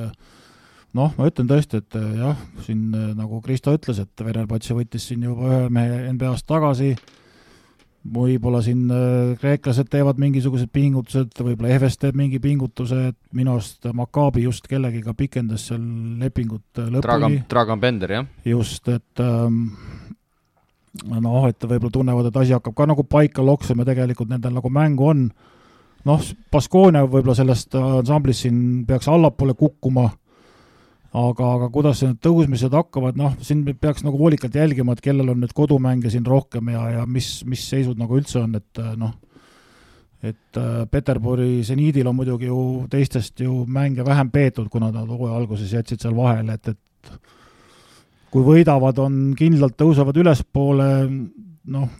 ei tea, ei tea et jah, et võib-olla kõige suurem üllatus isegi siin eestlaste vaatevinklist vaatamas, et seal Baskoonial nii palju võite on ja tegelikult äh, ei oleks arvanud küll, et sinu lemmik Valencia ka ju olid ju päris pikalt maas äkki mingi viieteistkümnega ja kägistasid lõpuks ära. jaa, miinus seitseteist oli seal, äh, oli seal lausa ühel hetkel äh, Baskoonial ees, aga, aga lõpuks ikkagi tänu suuresti itaallase Achille Polonara tegutsemisele ka sealt välja tuldi ja, ja võeti ikkagi Baskoonia jaoks ka väga tähtis võit, aga, aga liigume siit hoogsalt edasi ja, ja tuleme siis Kalev Cramo ja VTV Ühisliiga juttude juurde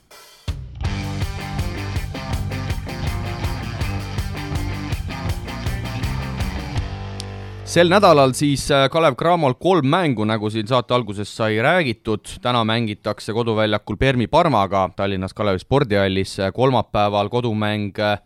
kohalikus liigas Raplaga ja laupäeval siis võõral väljakul juba Poolas äh, Zeljona Kooraga, no siit sellest nädalast noh, kolmest kolm mehed vist oleks, oleks fantastiline. No kui saaks valida kolmest kaks ja mõlemad WTB-s võtaks ka vastu, et, et ütleme nii, et äh, Parma õnneks äh, hetkel head hoogu ei näita koduväljakul ja loodame, et saame need mehed rivisse ja normaalse koosseisu noh, kokku, millega mängida, et siis võiduvõimalust võiks olla, et see viimane mäng jättis küll niisuguse paha maigu suhu jälle, et äh, tegelikult kümme jäi küll vahe ainult, aga, aga mingit lootust seal küll näha ei olnud. no Parmal ikkagi jõudu on, et küsimus ongi rohkem nüüd selles, et kellega see Cramo siis seda mängu nagu mängib, et et nagu jah, siin Kristo ütles, viimane mäng oli, oli lahja, aga noh, mis minu jaoks nagu oli kõige naljakam, oli see, et Ivan Strebkov käis alles hiljaaegu koondises, mängis siin. ei osatud teda skautida. joh, ei tea, ja jälle lasti tal vasaku käega peale minna, teeb oma kõksu ära,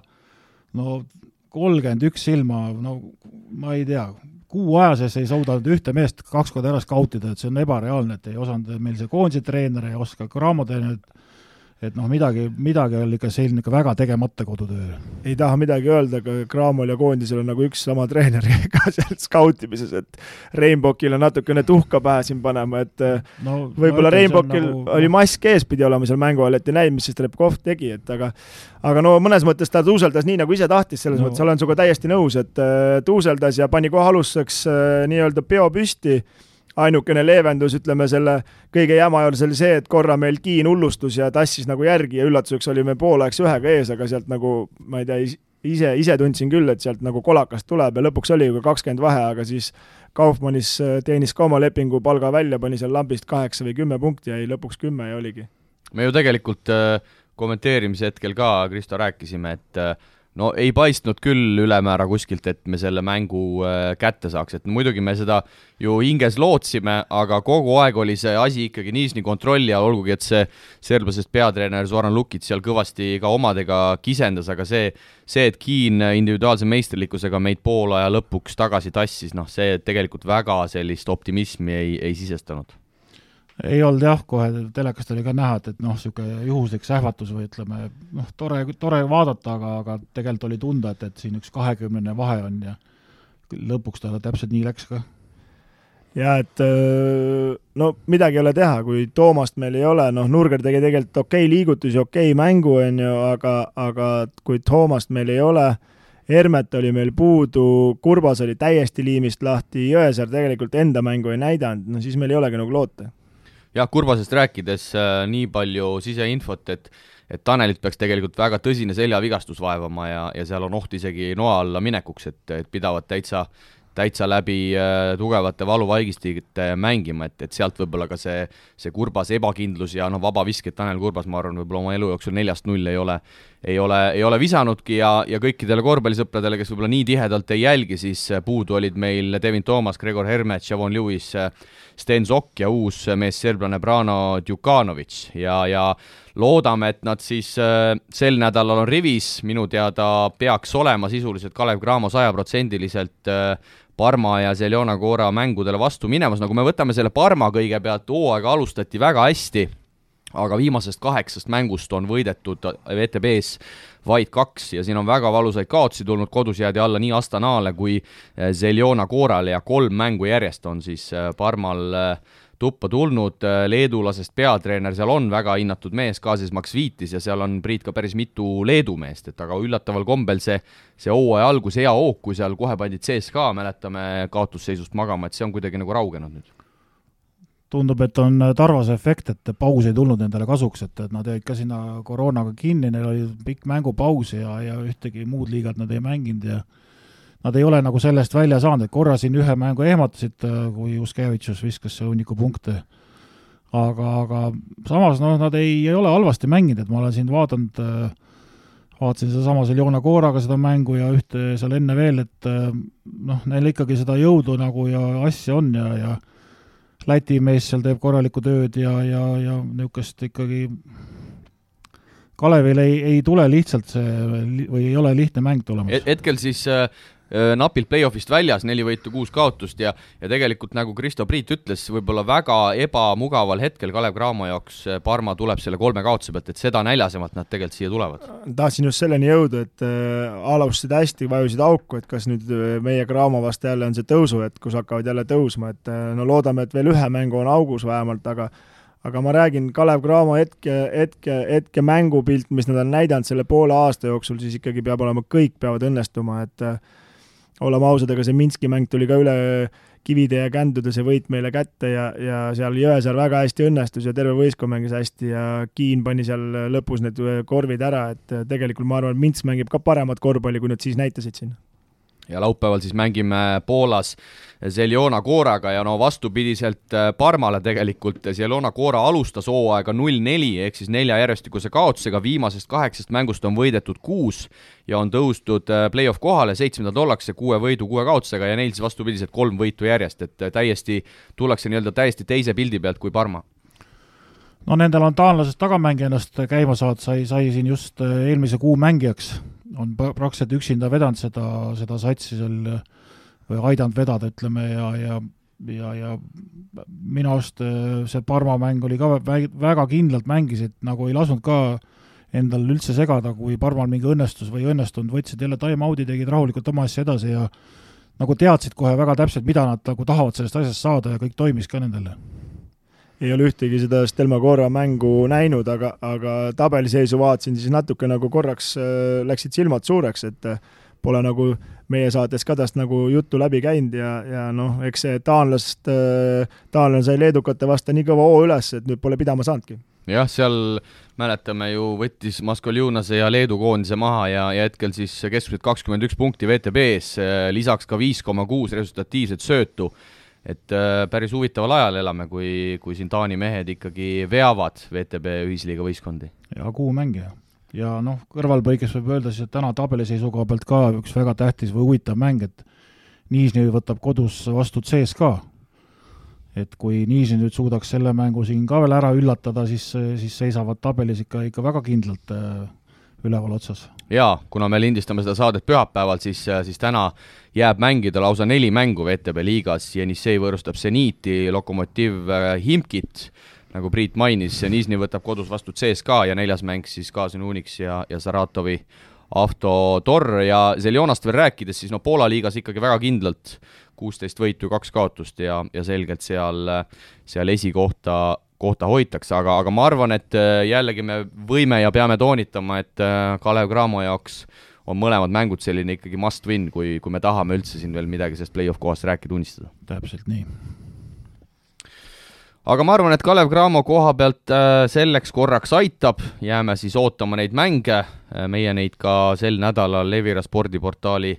kaudu äh, kommenteerime nii esmaspäeval kui, kui laupäeval, nii et kõigil on võimalik see pilet soetada või siis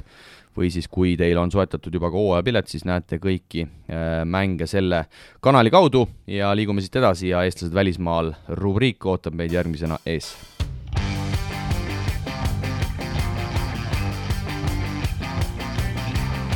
Ja suhteliselt äh, selline noh, hapukurgi nädal ka, ka võib-olla eestlased välismaal äh, rubriigis, siin ikkagi mingeid mänge on toimunud rohkem kui Eesti-Läti liigas ja, ja mõnedel me siin ka peatume, no kõigepealt äh, räägime Siim-Sõder Venest, Priit, sina oled ilmselt äh, paremini kursis, taas Siim seda hüppeliigest venitas, väänas, äh, mis oli ka siin suvel Soome vastu ja tundub, et see asi on nüüd pahasti-pahasti siin ligi pool aastat juba vinduma jäänud nojah, halb on see, et sama jalg jälle, kuidagi jäi seal kahe mehe vahele, et ise ka ei teadnud, mis liigutuse tegi, et äh, hirmus valus oli ja ütles, et nii paistes pole nagu kunagi olnud, et äh, pandi ikka kohe lahasesse ka, et, et seekord vist tundub, et ikka nagu tõsisem teema ja noh, just see, et, et kaks korda või kolm korda järjest nüüd sama jalg, et, et see on nagu halb, et ei, praegu hetkel veel ei tea, kas peab opile minema või ei pea, või eks siis vaadatakse siin jooksvalt, et mis siin nagu saama hakkab. no eks ta jah, ikkagi mõnes mõttes jälle saad jalad alla, siis tuleb vigastus äh, Siimu vaatenurgast ja siis hakkad jälle tõusma, jälle seesama jama, et eks ta kurb ole, aga see, nii see spordis on. kuidas äh, Siimul seal, Priit, on, kas kaheaastane leping, kui ma ei eksi, või on, või on üks pluss üks pluss üks, et, et kui palju see, see vigastus nüüd tema jätkamist ka järgmisel hooajal seal võiks mõjutada? no tal on kaheaastane leping, aga ega, ega, ega maailmas niisuguseid äh, raudasju pole olemas, et, et kunagi ei tea ju, mis siin saab ja aga praegu nagu küll kõik äh, näevad selle nimel vaeva, et äh, teda remontida seal ja, ja elavad kaasa ja ja, ja eks siis, eks siis aeg näitab, et ega siin ei ole ju midagi ennustada, et siin on täitsa niisugune, kuidas, kuidas asjad lähevad ja kas klubi võidab või kaotab või, või noh, kahju on jah see, et, et ta nagu ei saanudki seda mängutunnetust tagasi juba, sai uue nätaka kätte, et et see oli nagu asja, asja nagu väga kurb pool. ja natukene uue treeneriga seal nii palju, kui kuulda on olnud, on selliseks Gran Canaria aegseks joonejooksuks vist ka läinud, et et väga palju teda sinna rünnakusse ei ole, ma ei tea, kas kaasa saadud või ei olegi see ette nähtud, igatahes need mängud, mis ta nüüd seda, enne seda vigastust teha sai, siis neid pealeviskeid tuli seal ikka maru vähe. no nii palju treener tõi ise viimane, viimane trenn, kui nad seal osales, et tõi välja, et, et nad on terve liiga peale kõige vähem resultatiivset sööta andnud sats, et, et see see räägib nagu iseenda eest, et kui ikka sööta ei ole, ega siis pall ei liigu ja, ja seal pra-, praktiliselt kõik pikad jooksevad edasi-tagasi, et, et selles mõttes on kurb küll, jah.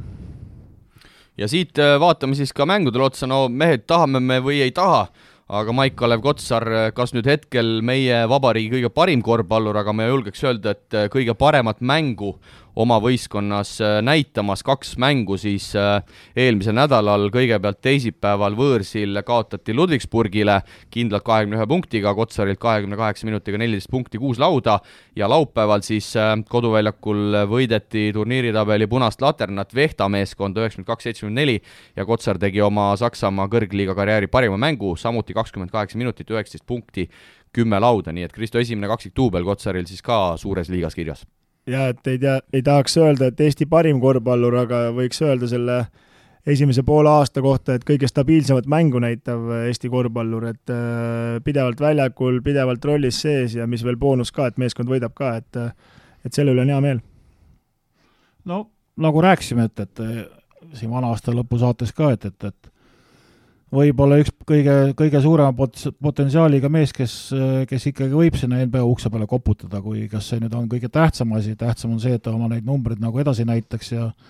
stabiilselt teeb, et noh, samas jälle Saksa liiga selline, ta aasta-aastalt läheb tugevamaks, tugevamaks, tugevamaks, aga ega me lõplikult ju ei tea, mis see sats endast nagu kujutab ja, ja kuhu nad lõpuks siis välja jõuavad, aga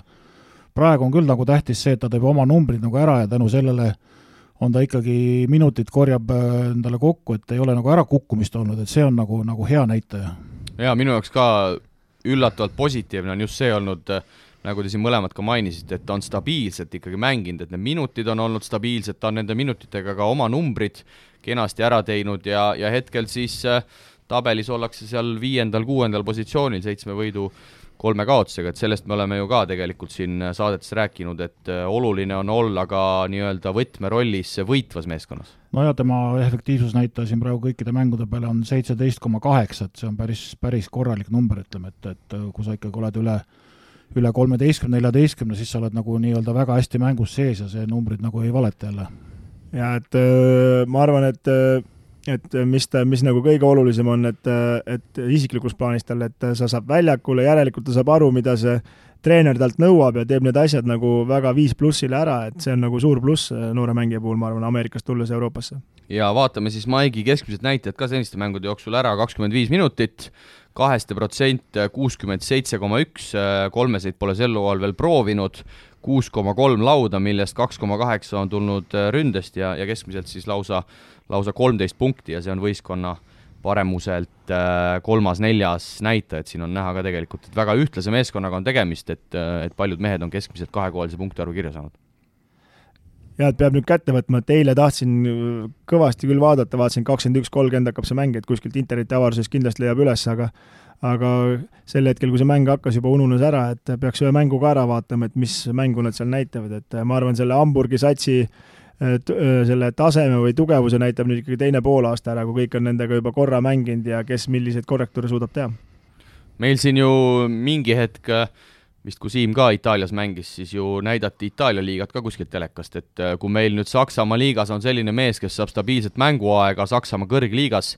noh, miks mitte, mõni telega-, telekanal ei võiks ju Saksa liiga õiguseid osta ja hakata näitama Hamburgi mänge. No tore oleks jah, aga, aga vaata see, need asjad on niisugune, tele planeerib nagu pikemalt ette ja ega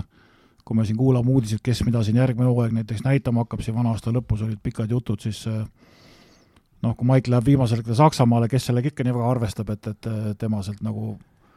mänge peaks ostma hakkama, et ei teagi üldse, kas läheb ja, ja miks seda peaks tegema. jaa, et see on võib-olla jah, natuke palju tahta, et kui me nüüd ikkagi vaatame seda numbrit, äh, palju eestlased välismaal mängib, siis neid liigasid, mida võiks vaadata ja kuskil näidata, et siis on kõvasti-kõvasti, et ma arvan, et äh, Saksamaa korvpalliliiga võiks pigem ennem olla seal Kanal kaheteistkümnes kui see Itaalia jalgpalliliiga, et äh, pigem niipidi olen nõus küll. vot sellega ma pean ka täiesti nõustuma, räägime Itaalia korvpalliliigast ka, kolmapäeval kuulus Bologna. Milos Theodositsi juhtimisel võttis vastu meie Henri Trelli Pesaro, Bologna võitis kindlalt sada kaheksakümmend, aga aga Trellilt sümpaatne esitus nii numbriliselt kui jäi ka seal mõnes videos silma, kakskümmend neli minutit, neliteist punkti ja no Theodositšil tehti seal päris kibedaks see olemine, olgugi et mäng oli ammu tehtud, aga ma arvan, et kui klassikuid tsiteerida, siis sealt ikkagi midagi näppude vahele jäi, kui Theodosits välja vahetati ja seal kõik toolid said kiinni moodi. no kuule, sealt ikka midagi ikka ausalt, sa vaatasid seda videot või? vaatasin no Teosis keeras selja trellile, no tubli, et viskas vabalt sisse, noh et ja siis on paar episoodi järjest, et sellest nüüd väga, väga äksi täis ei tasu minna, et kui need on ikkagi ütleks nii, et prügipunktid, aga, aga, aga, aga no mingi elevus kindlasti tekkis ja ütleme nii, et treeneri käest vastab pead saades natuke nagu mõjus ka räägi, Priit, sina sellest äh, Repeša momendist, ma usun, et sa ka kindlasti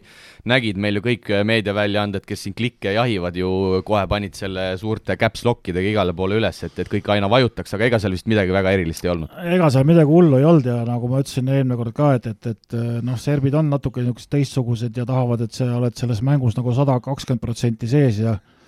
ju siis see trelli pingilt tõusmine või tulek oli liiga aeglane, et, et midagi seal nagu, nagu ei klappinud ja, ja ja, ja ka noh, sai oma õppetunni kätte, järgmine mäng sai jälle videosse, et, et, et noh, loodame, et tuleb,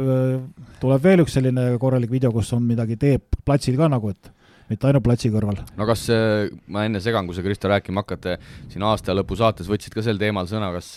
kas trelli arbuusid on nüüd natuke väiksemaks jäänud? no sa ju vaatasid seda videot, et ma muidugi, üks moment jäi mul nagu arusaamatuks, kas ta tuli vahetusmeeste pingilt pingile tagasi või?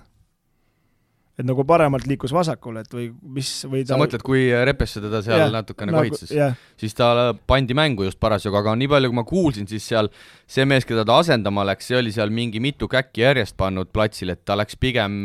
Repessa andis talle sellist heas mõttes tuhhi, et kuule, et vaata, et sa, et ja, mine pane nüüd kõvasti. hakka nüüd tegema ka midagi, et just, niisama sinna platsile mul ei ole ju rohkem kedagi panna. ei, no sealt ma olin täiesti, täiesti okei okay, selles mõttes, et ma ei kiida muidugi heaks, et Viki peab, peab panema, et ise olen ikkagi ka elus paar korda saanud ja aga olin natuke osavam kui trell, et ma panin pea alla, üks teine mees sai vastu hambaid minu pärast, aga aga aga selles mõttes, et äh, no seal oli videost oli näha kohe, et trell saab iga trenn peksa, et seal kohe tõmbas küüru, kui hakkas minema, et aga see on täitsa okei okay,, et peabki tuhhi maha tõmbama ja, ja, ja ma arvan, et see trellile on ikkagi päris äh, okei okay,, äh, peaks ta nüüd seal hooaja lõpuni vasta tõesti, et siis kõva elu kooli saab ja hakkab võib-olla natuke teistmoodi ja tõsisemalt sellesse korvpalli suhtuma. ja üks mees, kellest võiks ka, kellel võiks ka põgusalt peatuda, Ivo, Ivo Van Damm lahkus siis Ukraina kõrgliiga meeskonnast BC äh, Kiiev, no ütleme nii, et ei ole ta ka siin Eestis äh, märki maha pannud, nüüd ta oli järsku seal Bagatskise käe all Ukrainas, mängida ta seal suurt ei saanud, äh, nüüd ta on sealt lahkumas, Priit, oskad sa siin midagi, midagi kaasa rääkida, tema sinu käe all vist ei ole olnud, ega ta siin väga kellegi käe all ei olnud, ta on vist rohkem selline trennimees olnud läbi aastate? ei oska midagi kaasa rääkida, et üllatavat ta sinna sai ja, ja üllatav, et nüüd järsku kuskilt jälle minema sai, et, et, et äh, ma lootsin ikka, et kestab seal aastakese ära, aga, aga ju siis ei tulnud välja. aga siin tekib küsimus, kas Tallinna Kalev? seal ta on käinud jah, ta oli seal pingi peal. istus pingi peal, aga minu arust ju... mängu ei, ei, ei saanud. ei, aga tal oli see põlvevigastus, ta ju ravis seal ja proovis ennast pildile uuesti mängida, et nüüd on ju põlv korras, nüüd oleks aeg tulla ja näidata aga, aga, aga ei, ma ei oska selle Ivo Van Damme kohta ka mitte midagi öelda, et äh, vigastused on teda kõvasti no selles mõttes räsinud ja, ja see on no, muidugi kurb pool, aga aga korvpalli mõistes ma ei oska no mina tean nii palju, et ta pidi vist üsnagi selline treenimise maailmameister olema, et no neid on kõvasti. et lihvib, lihvib, aga lõpuks tuleb seda kuskil ju ka realiseerima hakata, et nii noor mees ta ta ka enam ei ole, aga näis, võib-olla mõni Eesti klubi, klubi ta üles, üles, üles korjab, et äh, huvitav tõesti, nagu sa, Priit, ütlesid, et ta sinna Kiievisse üldse võeti, noh, see on ikkagi päris kõva kaliibriga, kaliibriga meeskond. sa ei lugenud, kuidas sinna sai või? Vanamees teeb tal suuri asju seal Ukrainas ja helistas sellele presidendile ja president helistas Pagatskisele ja mis seal Pagatskisele öelda on, kui president helistab, noh. no äri on äri jah ja,, Kiiev kui... siis Ukraina liigas äh, kolmeteistkümnest mängust kolmteist võitu ja, ja hakkavad siin jaanuari alguses ka seda FIBA Europe Cupi mängima. ja et äh, jah, et see lihtsalt nii käib nii käivad asjad äh, maa peal just, aga kaks rubriiki jäänud ja järgmine on siis Nordeidi küsimusmäng, mille me siin uuel aastanumbril kohe-kohe ellu kutsume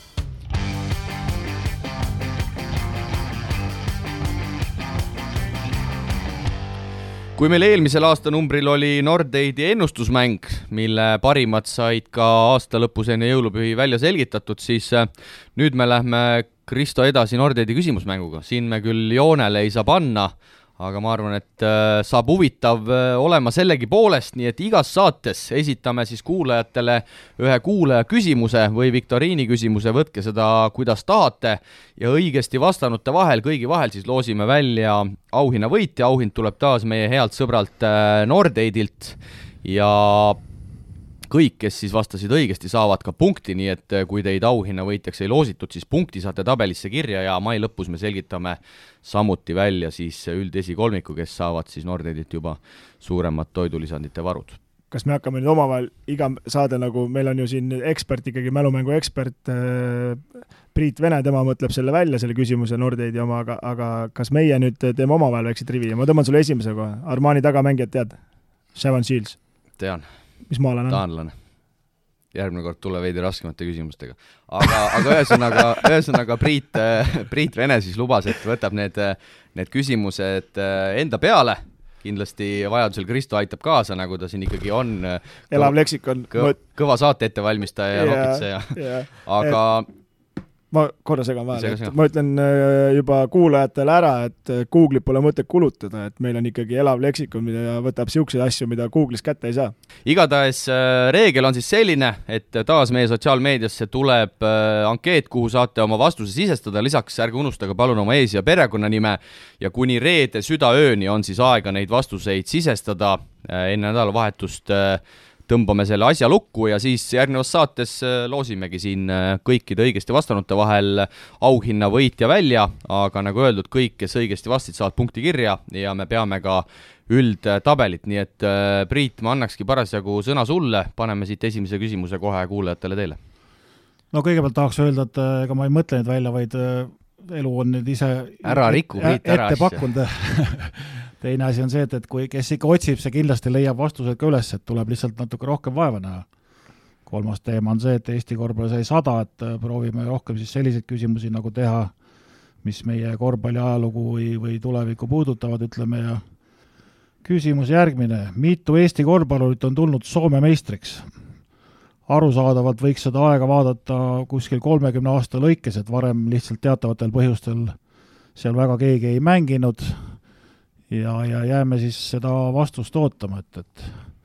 mitu Soome, Soome meistrit meil siis Eesti korvpallis on olemas. just, ja rõhksõnal siis äh, mitu korvpallurit on tulnud Soome korvpalli meistriks. ja järgmine vihje veel, et äh, Priit Vene jaoks ei ole esiliiga ja mudaliigad ei ole mingid liigad, et äh, kõik on ikkagi tipus. ja väga hea täpsustus, et meistriliiga äh,. meistriks äh,, nagu öeldud, veel kord kordan üle reede südaööni on aega oma vastuseid teil sisestada ja järgmise nädala saates siis saab esimene küsimusmängu võitja äh, selgeks, nii et lööge kaasa, osalege ja nuputage kuulaja küsimus mängule paneb õla alla Ballsi, parima valikuga ketsipood Eestis. tutvu valikuga www.ballsi.eu. no esimene küsimus äh, täna, see on nii pikk, et ma ei äh, jõua seda kindlasti täies mahus ette vuristada, aga see läheb äh, see läheb, Kristo, peaasjalikult äh, sulle, siit äh, mõned laused jätan vahele, loen Rauli küsimuse ette, suured kiitused, väga head saadet teete, kuulan iga, iga osa, see on muidugi Stamp. puhas, puhas rõõm, selle ma kirjutan alati siia ette. ja minu küsimus mängumees Saagele. On juba mitmendat korda kõrva jäänud väide, et Umbrasko ei ole teab mis strateeg, Juris Umbrasko siis Rakvere Tarva peatreener, või mängu käigus plaanide muutja. vahest kostub see väide Umbrasko suunas veidi ülekohtusena, arvan, et kogenud mängija ja tasakaaluka noortetreenerina on ta jõudnud selle arusaamani, kus tuleb hinnata, mis nupud on hooajaks ja teeb sellise mänguplaani, mille puhul ka kõige keskpärasem ja väsinud mängija kõige raskemal momendil ei tohiks eksida. siis ta toob siin selle näite, et äh, kui Müürsepp joonistas siin äh, karikamängus tabloole hiilgava liikumise, siis Saaga ütles kokkuvõtteks, et liiga palju oli katteid ja, ja, ja nii ta, nii ta ka platsi peal läks ja siit siis äh, Tarva fänn, olgu öeldud, on Raul, küsib, et äh, mida üldse oleks äh, Umbraskol võimalik Tarva mängu eel või mängu jooksul ümber planeerida, et vastast üllatada, kui ei ole rosteris, ütleme, Kail Heinzi, vaid pigem trobikond viskajaid. Ja Raul kindlasti edestab siit Tarva fännina ka suure koduse aplausi kõikidele Tarva mängijatele, treeneritele, taustajõududele ja toetajatele, elagu Viru Koss! ja et võib-olla natukene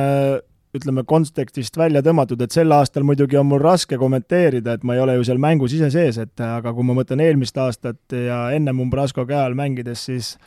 mul see lause nagu tuli sellepärast, et ma ei tea, ei vaadata videosi, ei minda nagu üldse ei vaadata, ma küsin vahele? kurat, äkki mingi vaatasime paar korda ikka, aga, aga no see on niisugune, see on niisugune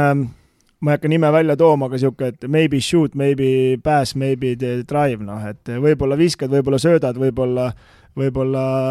ma ei tea, lähed läbi, et noh, et aga lõpuks ikka nagu antakse sulle kolm valikuvarianti, et sul ei ole nagu nii, et nüüd pead siin seda tegema, seda teist tegema, et noh, ma küsiks nagu Priidu käest äh, vasta nagu, et äh, kui sina nagu oled treener, on ju, et siis sa ju mõtled kohe, ütleme,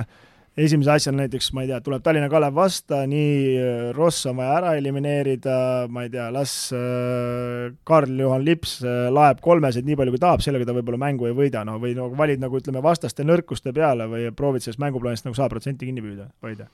no nii ta peaks olema, ega ma ei tea, võib-olla Umbrasko teeb ka samamoodi, et sa võid natuke edasi rääkida veel, et kuidas et, teil asjad käisid eelmine aasta. et selles mõttes ma mõtlengi nagu äh, või siis näiteks treeningplaanis, et äh, eelmine aasta nagu põhimure oli tal see, et me ei tohi liiga palju trenni teha, et siis äh, võib-olla väsime ära, noh, et aga äh, siinkohal ma küsin Kristo vahele, sa oled nii Andres Sõbra kui Juris Umbrasko käe all nüüd mänginud, siin on väga palju ka küla peal räägitud, et Umbrasko on ikkagi Sõbralt väga palju treeneri ametiosas snitti võtnud, et ta on ka pikalt Andrese käe all olnud, et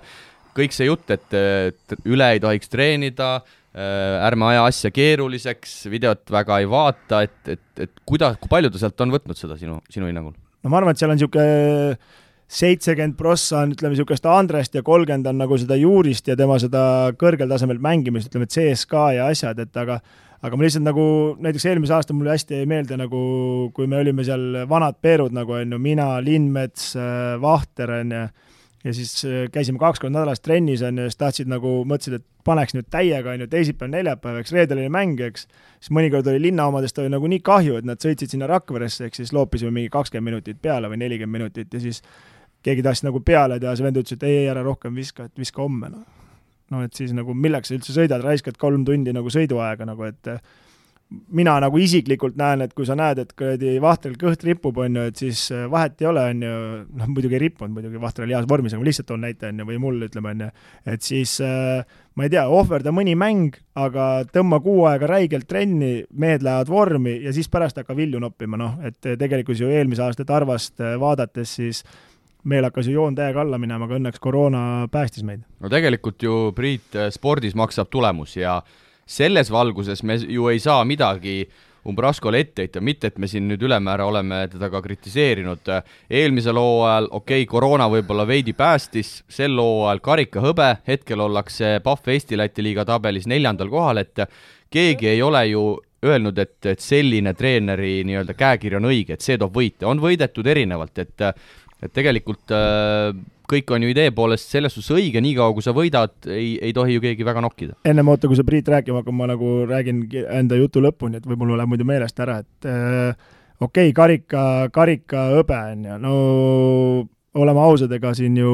mingit imet ei tehtud, karikahõbedaid on ennem ka tulnud, eks, aga kui me nüüd ikkagi räägime pikas perspektiivis, ma olen suhteliselt kindel, et Tarvas ikkagi top nelja ei mahu Eestis, noh Sest... seal läheb juba no, rohkem läheb ju... taktikamänguks no, ja skautimiseks? no taktikamäng, skautimine äh,, Äh, no või see skautimine ka ei aita, mehed peavad väljakul sisse viskama või sinna joonistada ükskõik mida, aga, aga vastastel on lihtsalt nagu ütleme, treenitus, tuhh, äh, mängitakse seeriad kolme võiduni, noh, ta ei jõua Pärnuga joosta kolm mängu, no võidu selles mõttes, et okei okay,, materjali vahe tuleb ka võib-olla mingil määral, aga no eks treenerid on erinevad ja igalühel on oma käekiri ja oma, oma nägemus sellest asjast, aga, aga selle Kristo jutu kokkuvõtteks võib öelda ju eelmise hooaja lõpu, et, et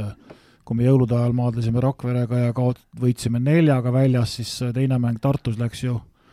läks ju ka vähe kindlamalt ja seal on täpselt kõik need punktid, mis sa rääkisid, et meie jõudsime rohkem joosta, tegime füüsilist survet, viskasime sisse, te ei visanud nii palju sisse, scouting oli korralikult tehtud, et ega teil mingit väga šanssu ei olnud, ütleme nii, et no to, näiteks toomegi kas või selle eelmise aasta mängu, ütleme, on ju, et äh, no kui Tarval võtad visked ära, kui sa võtad Egert Alleri, teed, Egert Alleril teed visked, ütleme, saab oma kaheksa viset, eks, ja teed need kuus teed raskeks, on ju, noh, ütleme, vastasvõistkonna mängija peab saama aru, et ta ei tohi vabaks jääda, eks. siis on kohe auk sees tarvas, noh, et selles mõttes, et äh, ongi võib-olla mängijate valik on selles mõttes väike, rahakott on väike ja nii edasi, et selle juures teeb võib-olla head asja, on ju, kui talle annad Karamo kätte, võib-olla teeb ma ei tea, mida, on ju, aga, aga ikkagi päeva lõpuks, mis mind nagu, ta on juba neljandat aastat Rakveres, eks, ta on ise U kuusteist poiste treener, eks. ja kui me mängisime esiliigas ja ta andnud nendele kohalikele noortele, kes sel hetkel oleks nagu võinud nagu pead tõsta esiliigaski, on ju, ja nüüd neid enam polegi, on ju, Laandu on ma ei tea kus, on ju, Kroos seal midagi tiksub, aga mängida ka ei saa, on ju noh, kohalik vend, kelle peale mängida, eks. No tundub, et see Priit osutuski Kristo Soolo küsimuseks, siin ikkagi vererõhu sai ka natuke kõrgemaks. no nii, nagu küsija tahtis, nii sai. sai, sai oma, Mart Raul sai oma, oma kätte, liigume siit edasi, küsimus number kaks, Janno küsib äh,, tere, tänud huvitavate saadete eest, tänu teile olen hakanud ka Euroliigat jälgima, eelmises saates oli juttu palju mängijate liikumises, seoses sellega küsimus, miks legionärid nii kiiresti siit ära lähevad, enamik on siin ainult ühe või isegi pool hooaega, kas põhjus on selles, et Eesti-Läti liigas saavad nii kõva statistika, et hind märgatavalt tõuseb või ongi tegemist maailmaränduritega, kes tahavad võimalikult paljusid riike näha või on meil kliima liiga külm, ei ole täheldanud, et nad Eestisse, Eesti-siseselt väga rändaks, Kemp jõudis nüüd suure ringiga Eestisse tagasi, no Priit, las Kristo vahepeal puhkab. no eks siin ole mitu, mitu tahku, et äh, täpselt eelmine saade siin kokkuvõtvas saates sai natuke ka lahatud seda meie liigat ja, ja kui meil ükski võistkond ikkagi pikem, pikki lepinguid ei tee, siis nad ei, ei saagi siia pikemaks ajaks jääda, et eh, noh, nüüd me siis ju saate alguses rääkisime, et siin Vembi Tartusse Siimu sõnade järgi kolme aasta leping, et, et noh, palun, et vastus siin nagu olemas, et kes ikkagi teeb pika lepingu, siis eh, võib-olla nad jäävad. kindlasti ei ole meie liiga ju üks maailma tugevamaid, eh, teed siin mingisugused mängud ära ja tahad ikkagi minna kuskile, kus on asi tõsisem natuke, et ja, ja kui siin on nagu juttu küsimused maailmaränduritest, siis ka need on kindlasti olemas ja nende, neid me oleme siin ka juba saate alguses lahanud ühes satsis ja teises satsis, et et kõik niisugused väiksed nüansid kokku, et kui noh, just rääkisime siin ka, et, et kui Eesti satsid mängiksid eurosarjades näiteks, siis oleks neid siin palju lihtsam kinni hoida ja saaks nendega pikemaid lepinguid teha, kui võistkonnal oleks võimu, et et kõik, kõik need asjad on nagu omavahel seotud ma arvangi, et äh, kaks märksõna on esiteks meil pole raha ja klubid ei tea hooaja lõpus, kuidas järgmine aasta läheb, et äh, kui igal klubil oleks, ütleme, kindel, ma ei tea, noh, okei okay,, tegelikult ju Tartul ja Cramol mingi osa on, no Cramos ongi parema klassiga mängijad ka, et ütleme, suhteliselt ikkagi õnne peale mängitakse nende välismaalastega Cramost allapoole, nende palk on olematu, selles mõttes, et madala klassiga mängijad, siis sa saadki niisugune kas on hea või ei ole hea ja nii kui osutub heaks valikuks, siis ta lendab kuskile edasi, sest keegi teine suurema rahakotiga tahab teda. no tuleb teil meelde mõnda, mõnda legionäri, kes on ütleme, rohkem kui kaks aastat siin Eestis mänginud? eks seal mõned ikka ole olnud, aga vot küsimus on selles, et palju tal seda vaimujõudu jagub, et ka teisel aastal oma tulemusi näidata, et see vahe ongi nagu niisugune, et kui sa lähed Salgerisse näiteks Euroliigat mängima, no siis sa punnitad iga, iga, iga hinna eest, et, et enda taset tõsta ja saaks seal satsis nagu edasi olla ja võib-olla saada uue lepingu, sellepärast et äh, rahanumbrid on korralikud, mängutase on korralik, Euroopas äh, kõige kõrgem sari, et see on nagu selle asja üks külg, et kui me mängime siin ainult Rakvere ja Raplaga, eks ju, siis äh, noh, siis ta väsib varsti ära ja, ja temast ei ole enam midagi kasu, ütleme noh. jah, et Gerald Iiker oli kaks aastat tead niisugust mängijat? ja, ja Chris Moore äh, oli ka vist päris mitu aastat ja jäi lausa siia Omar Fryer ka. siia elama, Fryer ka, jah. jah, aga tegelikult, äh, mis ma tahtsin veel tuua, ühe nagu teise tendentsi, mis on nagu, on nagu mulle nagu jäänud mulje, kõik, kes teiseks aastaks jäävad poole sitemaks no ma räägin, seda vaimujõudu jagavad, ei ole nagu kokkuvõttes. jah, et selles mõttes iga kord, kui keegi teeb hea hooaja, tehakse uus leping, järgmine aasta kohe vend vajub, et võib-olla üks näide, Buchanan järgmine aasta tegi parema või vajus ka ära või ei mäletagi? no jäi, ütleks, et pigem selline suhteliselt stabiilne, aga, aga eks see esimene hooaeg tekitab sellist vau-efekti rohkem, et selle najal juba inimestel on ootused, ma arvan, kõrged ja ja kui sa sealt nagu ei ületa oma numbreid, siis inimesed ikkagi ütlevad, et, et on kehvem hooaeg. Jah, et siin võib-olla Kalev Cramo ikkagi toob, ütleme, ma ei tea, piltlikult öeldes, kui siin äh, ülejäänud klubid valivad äh, tuhande kuni kolme tuhande vahel mängijaid, on ju olenevalt siis positsiooni, siis Cramo valib seal viie kuni kümne tuhande vahel, eks, aga samas nad ikkagi peavad äh, nende rahakott ja nad, VTB ikkagi vajab häid mängijaid, siis nad ka ju kõvasti nagu riskivad ja ütleme siin vigastusega toodud mängijad, näiteks Simmons, vaata, kes tuli ju Euroliigas mänginud ja teinud, et ta tuli ainult sellepärast, et oli vigastatud, tahtis võimalust saada. Kui sa, Priit, veel Tartus olid äh,, kuidas, kuidas seal see nii-öelda management'i mõtteviis oli, et kas taheti pigem ühe liblikaid või üritati, üritasite seal ikkagi nende Leedu meeste, Kasakauskase ja, ja mängijate, kes seal olid vähe kvaliteetsemad ja sobisid võistkonda ikkagi ka pikemaid lepinguid äh, sõlmida? no Juliusega tegime pikema lepingu, aga vaata, mängijad küsivad ka, et mida, mida me nagu mängime, noh. seal oli hästi lihtne küsimus, et mida me mängime ja kui tuli välja, et ei taha eurosarja mängida, siis, äh, siis oligi väga lihtne, et nad lähevad siis kuskil teise kohta, noh siis ju kohe on teada, et, et palganumbrid kukuvad ja ainult seesama siin Eesti-Läti liiga, et, et noh, kui pärast ju kadus see Balti liiga veel, ütleme,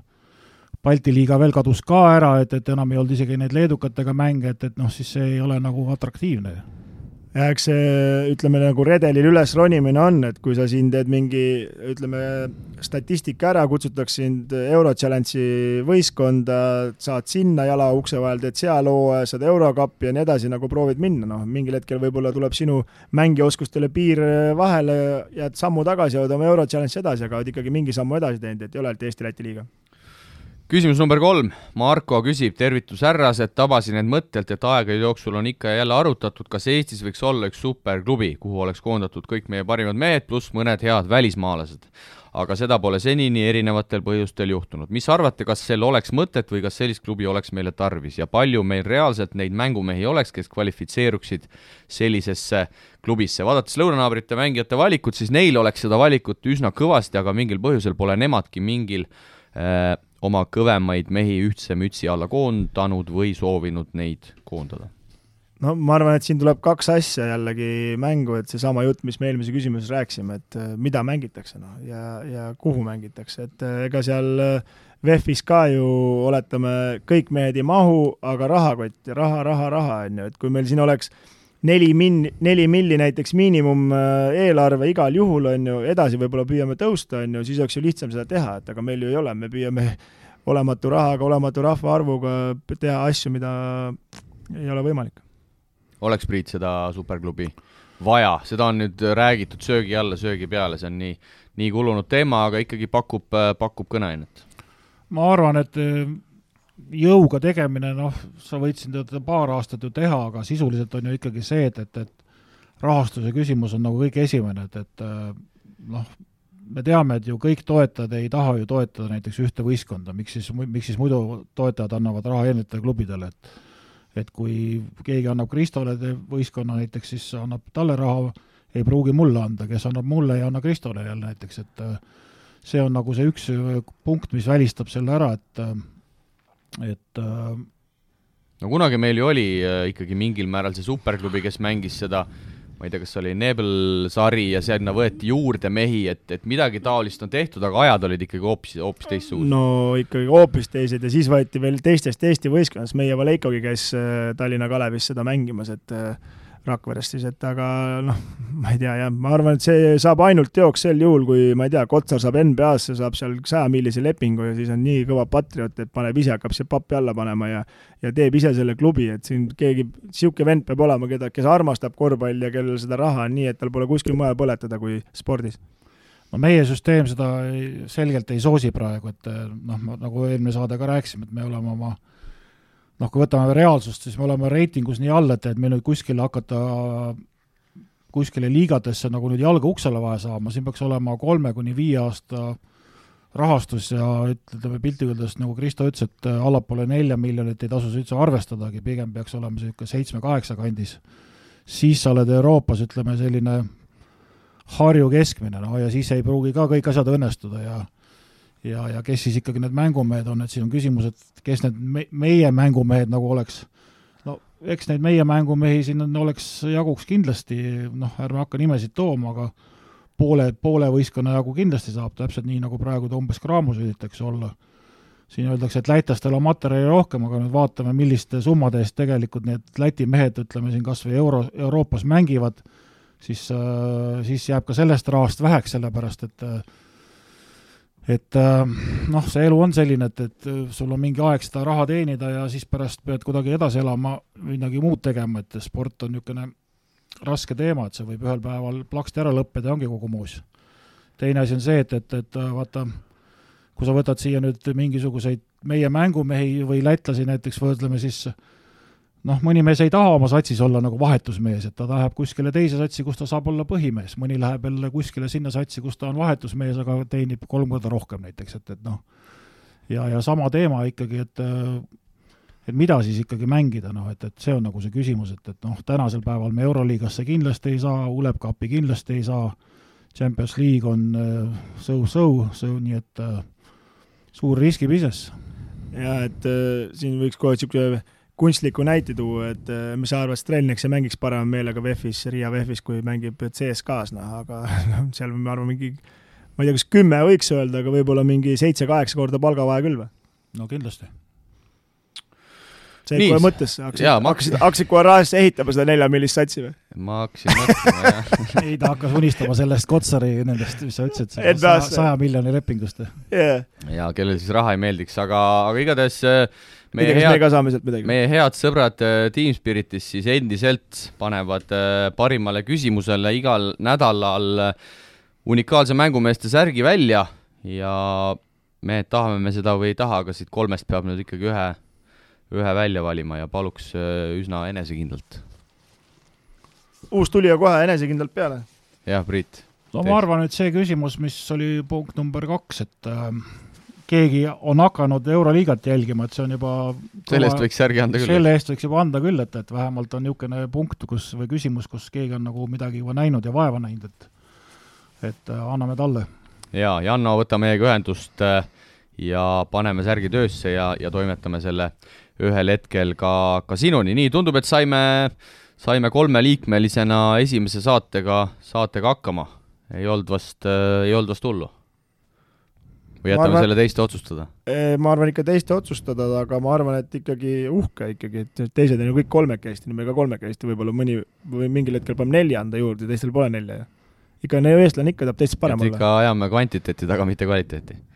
ja rohkem niisuguseid häid küsimusi, et Kristole, et vaata, kas tuli ikka korralik äh, monoloog, et äh, on, on mida, on mida nagu arutada. absoluutselt äh,, ma plähmerdasin kohe kõvasti edasi kas tõepõhja oli, ei tea. ma kutsun, äh, ma kutsun õi-, kõiki üles küsima, küsige, küsige, mangumehed, mängumehed.gmail.com, aga ä-tähe asemel on siis number kaks ja võite siis küsida ka meie sotsiaalmeediakanalitest, mida paljud on, äh, on teinud ja, ja sellest, kas siis äh, kas siis Kristo monoloogil oli äh, kvaliteeti ja tõetera sees, saab igaüks siis juba järgi kuulata. jaa, et kui tahate, et ma põlema lähen, siis küsige aga Rakvere kohta neid küsimusi, et siis ma tõmban kohe tuurid üles. aga selline sai siis aastanumbri kaks tuhat kakskümmend üks esimene saade